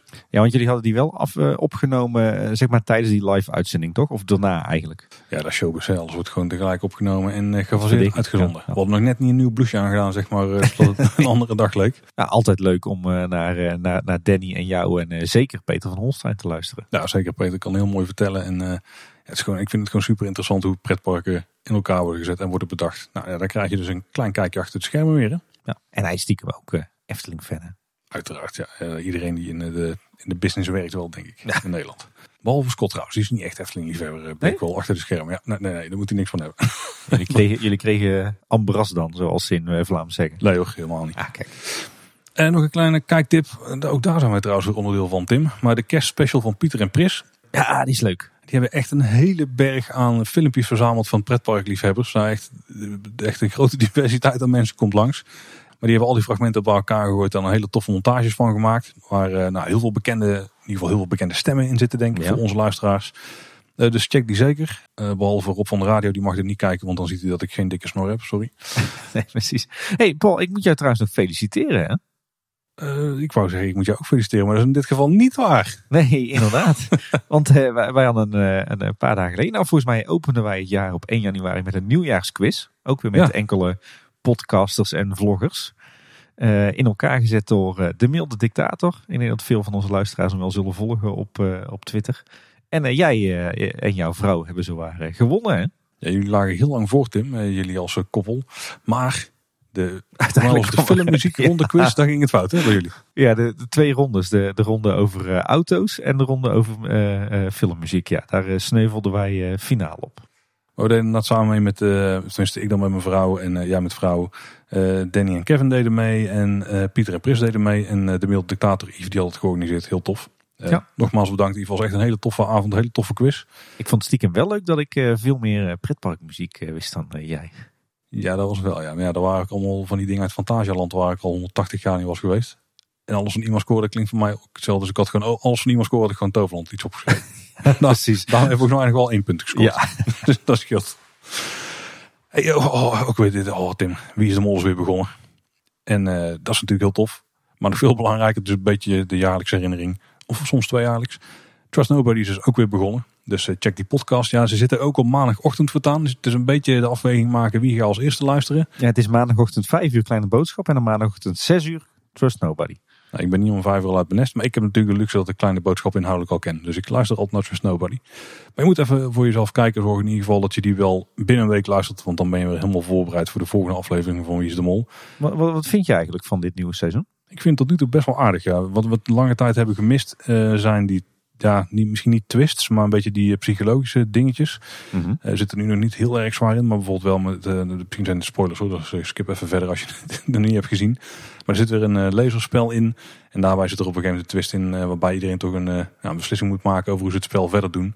En dat soort zaken die hebben we, dat zat er zeg maar tien jaar geleden gewoon bijna iedere aflevering wel in. En nu al het, nou, eigenlijk wel, volgens mij iedere opdracht had zelfs wel een twist. En daar heb ik wel gemist de afgelopen tijd. Dus het is nog lang, bij lange na niet geen België, maar het komt wel steeds dichter in de buurt. Dus het gaat weer de goede kant op. Tot nu toe uh, tof seizoen. Ja, ik moet zeggen, ik het verrassend eigenlijk. Want ik ben uh, normaal gesproken een groot Wie is de Mol fan. Maar ik, ik, moet er echt nog in komen dit jaar. Ja, maar de eerste aflevering heb ik er altijd. Ja, maar ik, ik merk, we hebben natuurlijk uh, extra Wie is de Mol gehad. Hè, met, die, met die extra jubileum mm -hmm. seizoen. En voor, voor mijn gevoel zitten China en Italië en nu dit seizoen Tsjechië zitten eigenlijk best wel dicht op elkaar. Het voelt alsof het eigenlijk uh, één grote opeenvolging is van seizoenen. En uh, ja, dat China-seizoen was gewoon heel tof uh, vanwege al die bombastische plekken en prachtige beelden. Ik vond Italië heel tof, omdat ja, dat, dat was gewoon het ultieme seizoen ooit. Daar ging gewoon alles heel goed. En dit seizoen voelt voor mij nog een beetje als een soort familiedag waarmee je naar de meekijkt met de home video, zeg maar. Oh nee, ja, ik snap wel denk ik wat je bedoelt, want het is zeg maar, de verhouding reisprogramma, spelprogramma, die is weer meer in de richting gaan hellen waar ik, waarin ik hem graag zie hellen, zeg maar. Ja, ik vond het een beetje uh, nou, een leuke escape room opdracht en dan uh, een, een, een mountainbike en uh, oh, ook al lasergamen in aflevering 1. Het, ja, maar toch, die zaten beter in elkaar dan de opdrachten. Ik denk dat deze drie opdrachten bijna allemaal beter waren dan iedere, elk, dan iedere andere opdracht in China. Want er waren echt super flauwe opdrachten. Maar wel mooi. Ja, wel mooi. Ja. maar als ik een reisprogramma wil zien, dan kan ik ook drie op reis kijken. Ja, dat is Daar kijk ik niet wie is de mol voor. Nou, en ik wel zeggen, het probleem is misschien ook wel dat zowel Charlotte als Marije bij mij echt gigantisch in mijn allergie zitten. Oké. Maar momenteel geniet ik, eh, geniet ik meer van de Trust Nobody podcast dan van het programma zelf. Maar dat komt denk ik ook eh, door de, de chemie tussen eh Elger en Elke en, en Mark. Ik denk als die een podcast van twee uur over snijbloemen zouden maken, dat ik het nog steeds leuk zou vinden. Dus Nou, wie weet is dat dit jaar een opdracht. Het zou zomaar kunnen. ja, En dan even terug naar het begin van de podcast. Jij gaf toen aan van ik mis wel manieren om eh, ja, toe te komen aan het stukje escapisme wat ik altijd wel zoek. Tim, videogames. Dat is natuurlijk de perfecte manier om daar gewoon te doen. Dan ga ik daar niet al te diep op induiken op dit moment. het is, als er één ding is waar ik niks mee heb, dan is het wel, zijn het wel videogames. Terwijl dat echt een van de ultieme, meest ultieme manieren van escapisme is. Ik, ik wil graag escapisme zonder schermen. Hm, dat wordt met videogames wel een lastig verhaal. Kijk, Maar je hebt wel, ja, je hebt wel een paar op de Switch hoor. Dan, dan kun je daar hoef je alleen maar te voelen. maar eh, Switch, daar gebruik je toch om een netwerk eh, in elkaar te zetten. Nou, ik ben trots op je Tim. Hey, hey, hey. Dat valt niet tegen, daar kun je er inderdaad voor gebruiken. Ik bedoel dat ding van Nintendo. Wat, wat daar gaat het nou weer over? Super Nintendo World, hè, is ook bijna terugkerend element in Alweer, de ja. podcast. Daar ben ik eh, de laatste paar afleveringen best wel lovend over geweest. Ik was ook heel benieuwd naar de inhoud van de attracties. Ik heb inmiddels één video gezien van Yoshi, Yoshi's Adventure. Eh, daar ben ik dan misschien iets minder positief over tot nu toe. Het, het was een beetje een Europa Park Dark Ride, hè? Nou, ik weet je nog dat we die aflevering hebben gemaakt. Volgens mij was het een buitenwereld over Abu Dhabi. En toen ging het over Warner Brothers World. Dat daar voor mijn gevoel een beetje een ziel miste. Ja. Daar heeft, daar heeft deze attractie dus ook. Ik denk dat ik het iets beter de vinger op kan leggen. Daar zit hem heel erg in de animatronics. En ja, daar weet ik, daar hamer ik altijd op. Maar eh, dit, dit zijn weer van die animatronics die, waarbij je eigenlijk gewoon kunststof poppen hebt. Nou, dat is dan verder niet zo heel bijzonder. Maar die, die ziet gewoon, die staan op een stok en die, bewe- die doen gewoon één beweging. En die herhalen dat continu. Dat is gewoon een super voor de hand liggend eh, loopje, zeg maar. Nou, het is niet eens een loopje. Het is gewoon omhoog, omlaag, omhoog, omlaag. Of, of er draait iets rond, et cetera. En er zitten misschien één of twee bewegingen nog in de pop zelf. Als je een, nou ik maak flinke airquotes, een hero animatronic hebt dan Ja. zeg maar. Dan beweeg je misschien de arm, de arm en de voeten nog mee. Maar ook dat gewoon in van die, ja, je ziet gewoon het, je ziet bij wijze van spreken het motortje gewoon draaien, weet je wel. In, je, ziet, je weet precies, er, er is niks magisch aan die poppen, zeg maar. Het is een Dus, beetje It's a Small World. Nou, dat nog slechter. Ja. Qua bewegingen. Ja, serieus. It's a Small World heeft betere eh, animatronics, denk ik, dan, dan wat hierin zit. En het is wel groot en het is vulling van de omgeving, maar dit is niet wat ik, dit is niet het niveau wat ik daar had gehoopt, zeg maar. En ja, Universal staat er misschien ook niet onbekend dat ze top animatronics maken. Al kunnen ze het wel, want eh, Donkey Kong, Donkey Kong, ik zit helemaal aan Nintendo. King Kong eh, in de nieuwste eh, in Universal in Islands of Adventure, die is wel tof. En ook wat van die Harry Potter animatronics zijn wel oké. Nou, die zijn gewoon best goed. Maar dit, dit is het gewoon niet. Dus alle, hoop is gericht op de Mario Kart attractie. Moet ik wel zeggen trouwens dat we van het Yoshi Adventure stukje maar een heel klein stuk hebben gezien. Waarbij het wel heel tof is dat je het gebied vanuit een andere, eh, andere hoek ziet. En dat het dan nog steeds wel overeind blijft, zeg maar, de, wat ze daar neer willen zetten. Want verder het gebied is nog steeds ja, heel goed volgens mij. Maar daarover binnenkort meer in de Upper podcast. Denken we, want ook daar hebben we de eerste aflevering nog niet van gehoord. Nee, maar ze zijn wel lekker eh, actief op social media. Dat heb ik al wel, ja, wel zeker. gemerkt. Ja. Dat doen ze beter dan wij. Ja, ja, nou ja, er zijn ook heel veel bronnen waar je als Nederlander nieuws kunt halen over de Efteling. Maar het zijn heel weinig Nederlandse bronnen voor Universal nieuws. Nou, als je dat wil volgen, volg hun gewoon, dan is, ben je daar helemaal in voorzien. Ja. En Tim, heb jij nog, en dan nog ditjes? Eh, nou ja, wij zijn natuurlijk net terug van onze kerstvakantie. Oh ja, is dit jaar wat anders dan normaal. Normaal gesproken proberen we eh, ja, toch eigenlijk wel twee keer per jaar eh, met de kids naar het buitenland te reizen. Eén keer in de zomer en één keer zo in januari, februari. Nou, dat laatste gaat al niet meer, want die, de oudste gaat naar school nu. Dus die heeft een soort van leerplicht. Eh, maar dit, dit jaar gingen natuurlijk ook niet eh, naar het buitenland. Eh, ik denk dat mijn hoogtepunt van 2020 onze, onze anderhalve week in Parijs was. Nou ja, dat, ging hem dit jaar niet worden. Maar we wilden toch even, even er helemaal uit. Even helemaal weg uit eh, die corona-lockdown sleur. Eh, en we zijn een weekje naar eh, Kijkduin geweest. Een eh, plaatsje bij Den Haag. Lekker aan de kust. Eh Roompotpark. Ehm vond de verandering in tegenstelling tot Drenthe deze keer een gloedje nieuwe bungalow. Was wel mooi. Wat ze daar gedaan hebben is dat ze gewoon een heel deel van het park hebben ze al die oude, oude bungalows hebben ze gewoon eh, met de grond gelijk gemaakt. En ze hebben zeg maar de, de, de, precies die locaties waar de oude bungalows stonden, hebben ze hergebruikt voor nieuwe huisjes. En dat is eigenlijk net zoals bij het Loonse Land. Eh, ze hebben daar gewoon een betonvloertje gestort en daar gewoon het, het hele huisje gewoon prefab opgezet. Ah, ja. Dus zo'n Ja. huisje heeft ook een zwevende vloer en eh, van die wandjes van peperkoek. Dus dat is allemaal, allemaal eh, eh, denk ik voor weinig geld en heel snel daar neergezet. Maar super deluxe, super moderne huisjes. En ja, wat we hebben gedaan, een, een, heleboel plannen die we in eerste instantie hadden, konden natuurlijk niet doorgaan. Hè. Denk aan een Maduro Dam, een museum, een Omniversum, een kinderboekenmuseum, een, een Sea Life Scheveningen. Dat was natuurlijk allemaal dicht. Uh, maar in plaats daarvan zijn we gewoon lekker uh, de natuur in geweest. Dus uh, we zijn een paar keer naar het strand geweest van kijk daar. We zijn natuurlijk weer in Scheveningen geweest. Wat een beetje onze guilty pleasure is onder alle badplaatsen. we hebben Den Haag verkend. Mooie stadswandeling gemaakt. Was heel tof. ook nog in het Haagse bos geweest. Landgoed Klingendaal hebben we bezocht. Dat was ook een verborgen pareltje. dus zo hebben we ons eigenlijk prima vermaakt.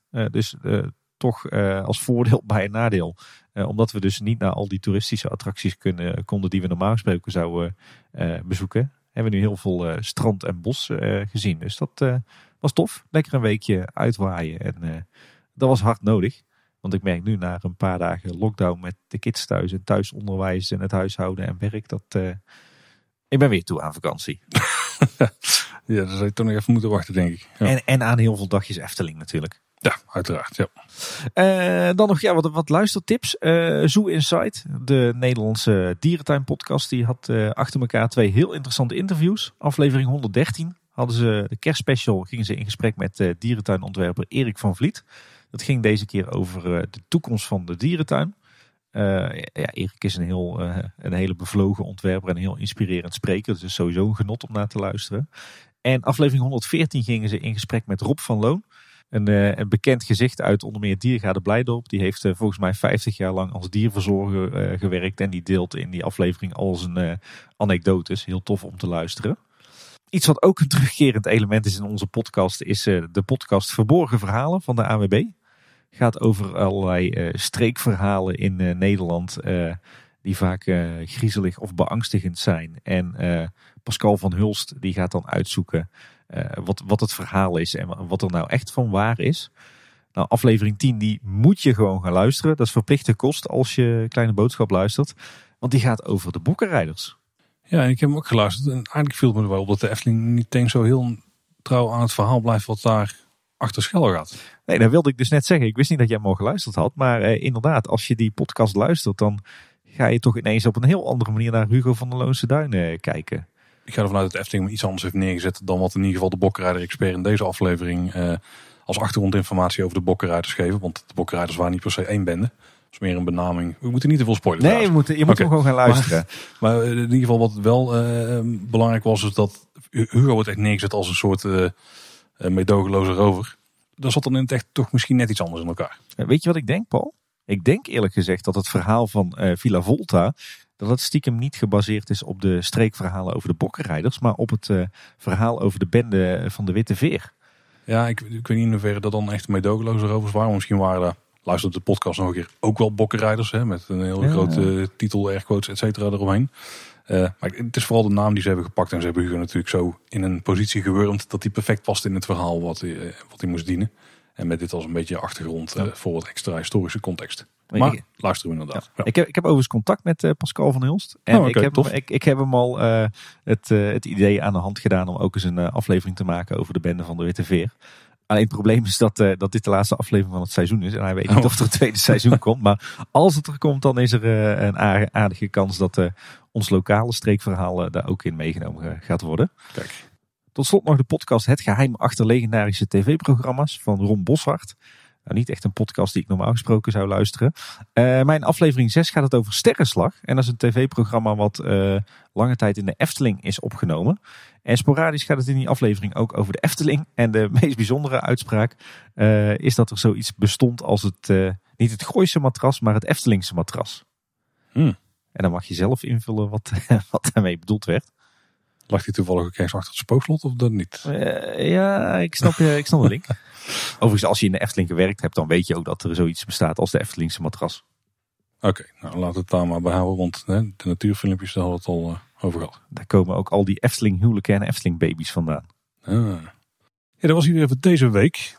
We hebben het uh, aardig beperkt weten te houden, Tim. Ja, wat wil je ook met de lockdown, oud en nieuw, kerst. Er zit van alles tussen waarbij er weinig nieuws gemaakt wordt. Vooral veel bijzaken eigenlijk. Hè? Het is dat er, uh, dat er op de valreep nog nieuws was over de financiële situatie van de Efteling. Maar verder vooral veel, uh, Ja, veel nieuws in de zijlijn. Maar goed, hopelijk nemen jullie dat ons eh, niet kwalijk. Eh, wij moeten het natuurlijk ook maar doen met het, eh, het nieuws wat er is. Ja, en dan kun je naar Trust Nobody gaan luisteren. Of verborgen verhalen. Oeh ja, dat moet je ook even doen. Of je gaat naar de Twitter-account van de stamtafel en dan ga je daar al die oude foto's checken. Of je koopt gewoon het hele pakhuis leeg. Of je gaat naar het account van Tom B. Scoort even een paar van die mooie Lego dingen. Ja, er, er is genoeg te doen. Je hoeft je niet te vervelen. De Efteling is dicht, maar je kan ook heel het archief van Kleine Boodschap luisteren. Dan ben je sowieso al een week of wel bezig. Eh zullen we gewoon gaan afsluiten? En wij gaan maar eens afronden, ja. Nou, wil je ondanks dat je jezelf niet hoeft te vervelen, toch nog een vraag aan ons stellen? Dat kan op heel veel verschillende manieren, Tim. Ja, eh, je kan bijvoorbeeld mailen naar info.kleineboodschap.com of je gaat naar onze website. Dat is kleineboodschap.com en daar vind je het contactformulier. Eh, en daar vind je natuurlijk ook al onze afleveringen, alle show notes, eh, de afleveringen van de buitenwereld. En wat misschien ook handig is als je oude afleveringen wil luisteren. eh, je vindt er ook een pagina waarop onze afleveringen zijn gesorteerd per categorie. Ja, inderdaad, heel handig als ik dus niet vergeet aan te zetten. Maar volgens mij doe ik het consistent goed. En zo nu moet je me even een mailtje sturen. Of je stuurt ons een tweetje. Dat kan namelijk via @kboodschap. Eh, te volgen op Instagram en Facebook zijn we ook. Daar zijn we Kleine Boodschap. Ja, en je moet natuurlijk, als je dit in een podcast app luistert. En als je dat niet doet, ik raad het je aan. Download de podcast app. Abonneer je daar op een paar eh, podcasts. Want dan wordt het downloaden van die aflevering allemaal voor je geregeld. Iedere maandagochtend staat er dan weer een verse Kleine Boodschap voor je klaar. Maar mocht je nou in je podcast app een review kunnen achterlaten. Zoals bij bijvoorbeeld Apple Podcasts. Kunnen we altijd zeer waarderen. Alleen als het eh, vijf sterren ratings zijn. hè? Nee, nee, het moet een eerlijke review zijn. Oké. Dat is het enige waar we het voor doen. Maar vijf sterren is wel mooi meegenomen. Overigens, Paul, voordat we afsluiten. Als eh, de Efteling binnenkort weer open gaat, dan moet je ons toch een beetje dankbaar zijn. Moet ik ons dankbaar zijn? Nee, mij en mijn kinderen. Oké, vertel. Wij hebben namelijk eh, vorige week bij het Binnenhof staan roepen. Mark, doe de Efteling weer open. Zonder pannen. Dat is goed om te weten. We zijn dan dankbaar, Tim. Hey, ik ga even drie shotjes schrobbelen halen en een druppel water. Pak jij de aspirintjes? Ga je maar doen. Helemaal goed. Nou, luisteraars, bedankt voor het luisteren. Tot de volgende keer en houdoe. Houdoe waar.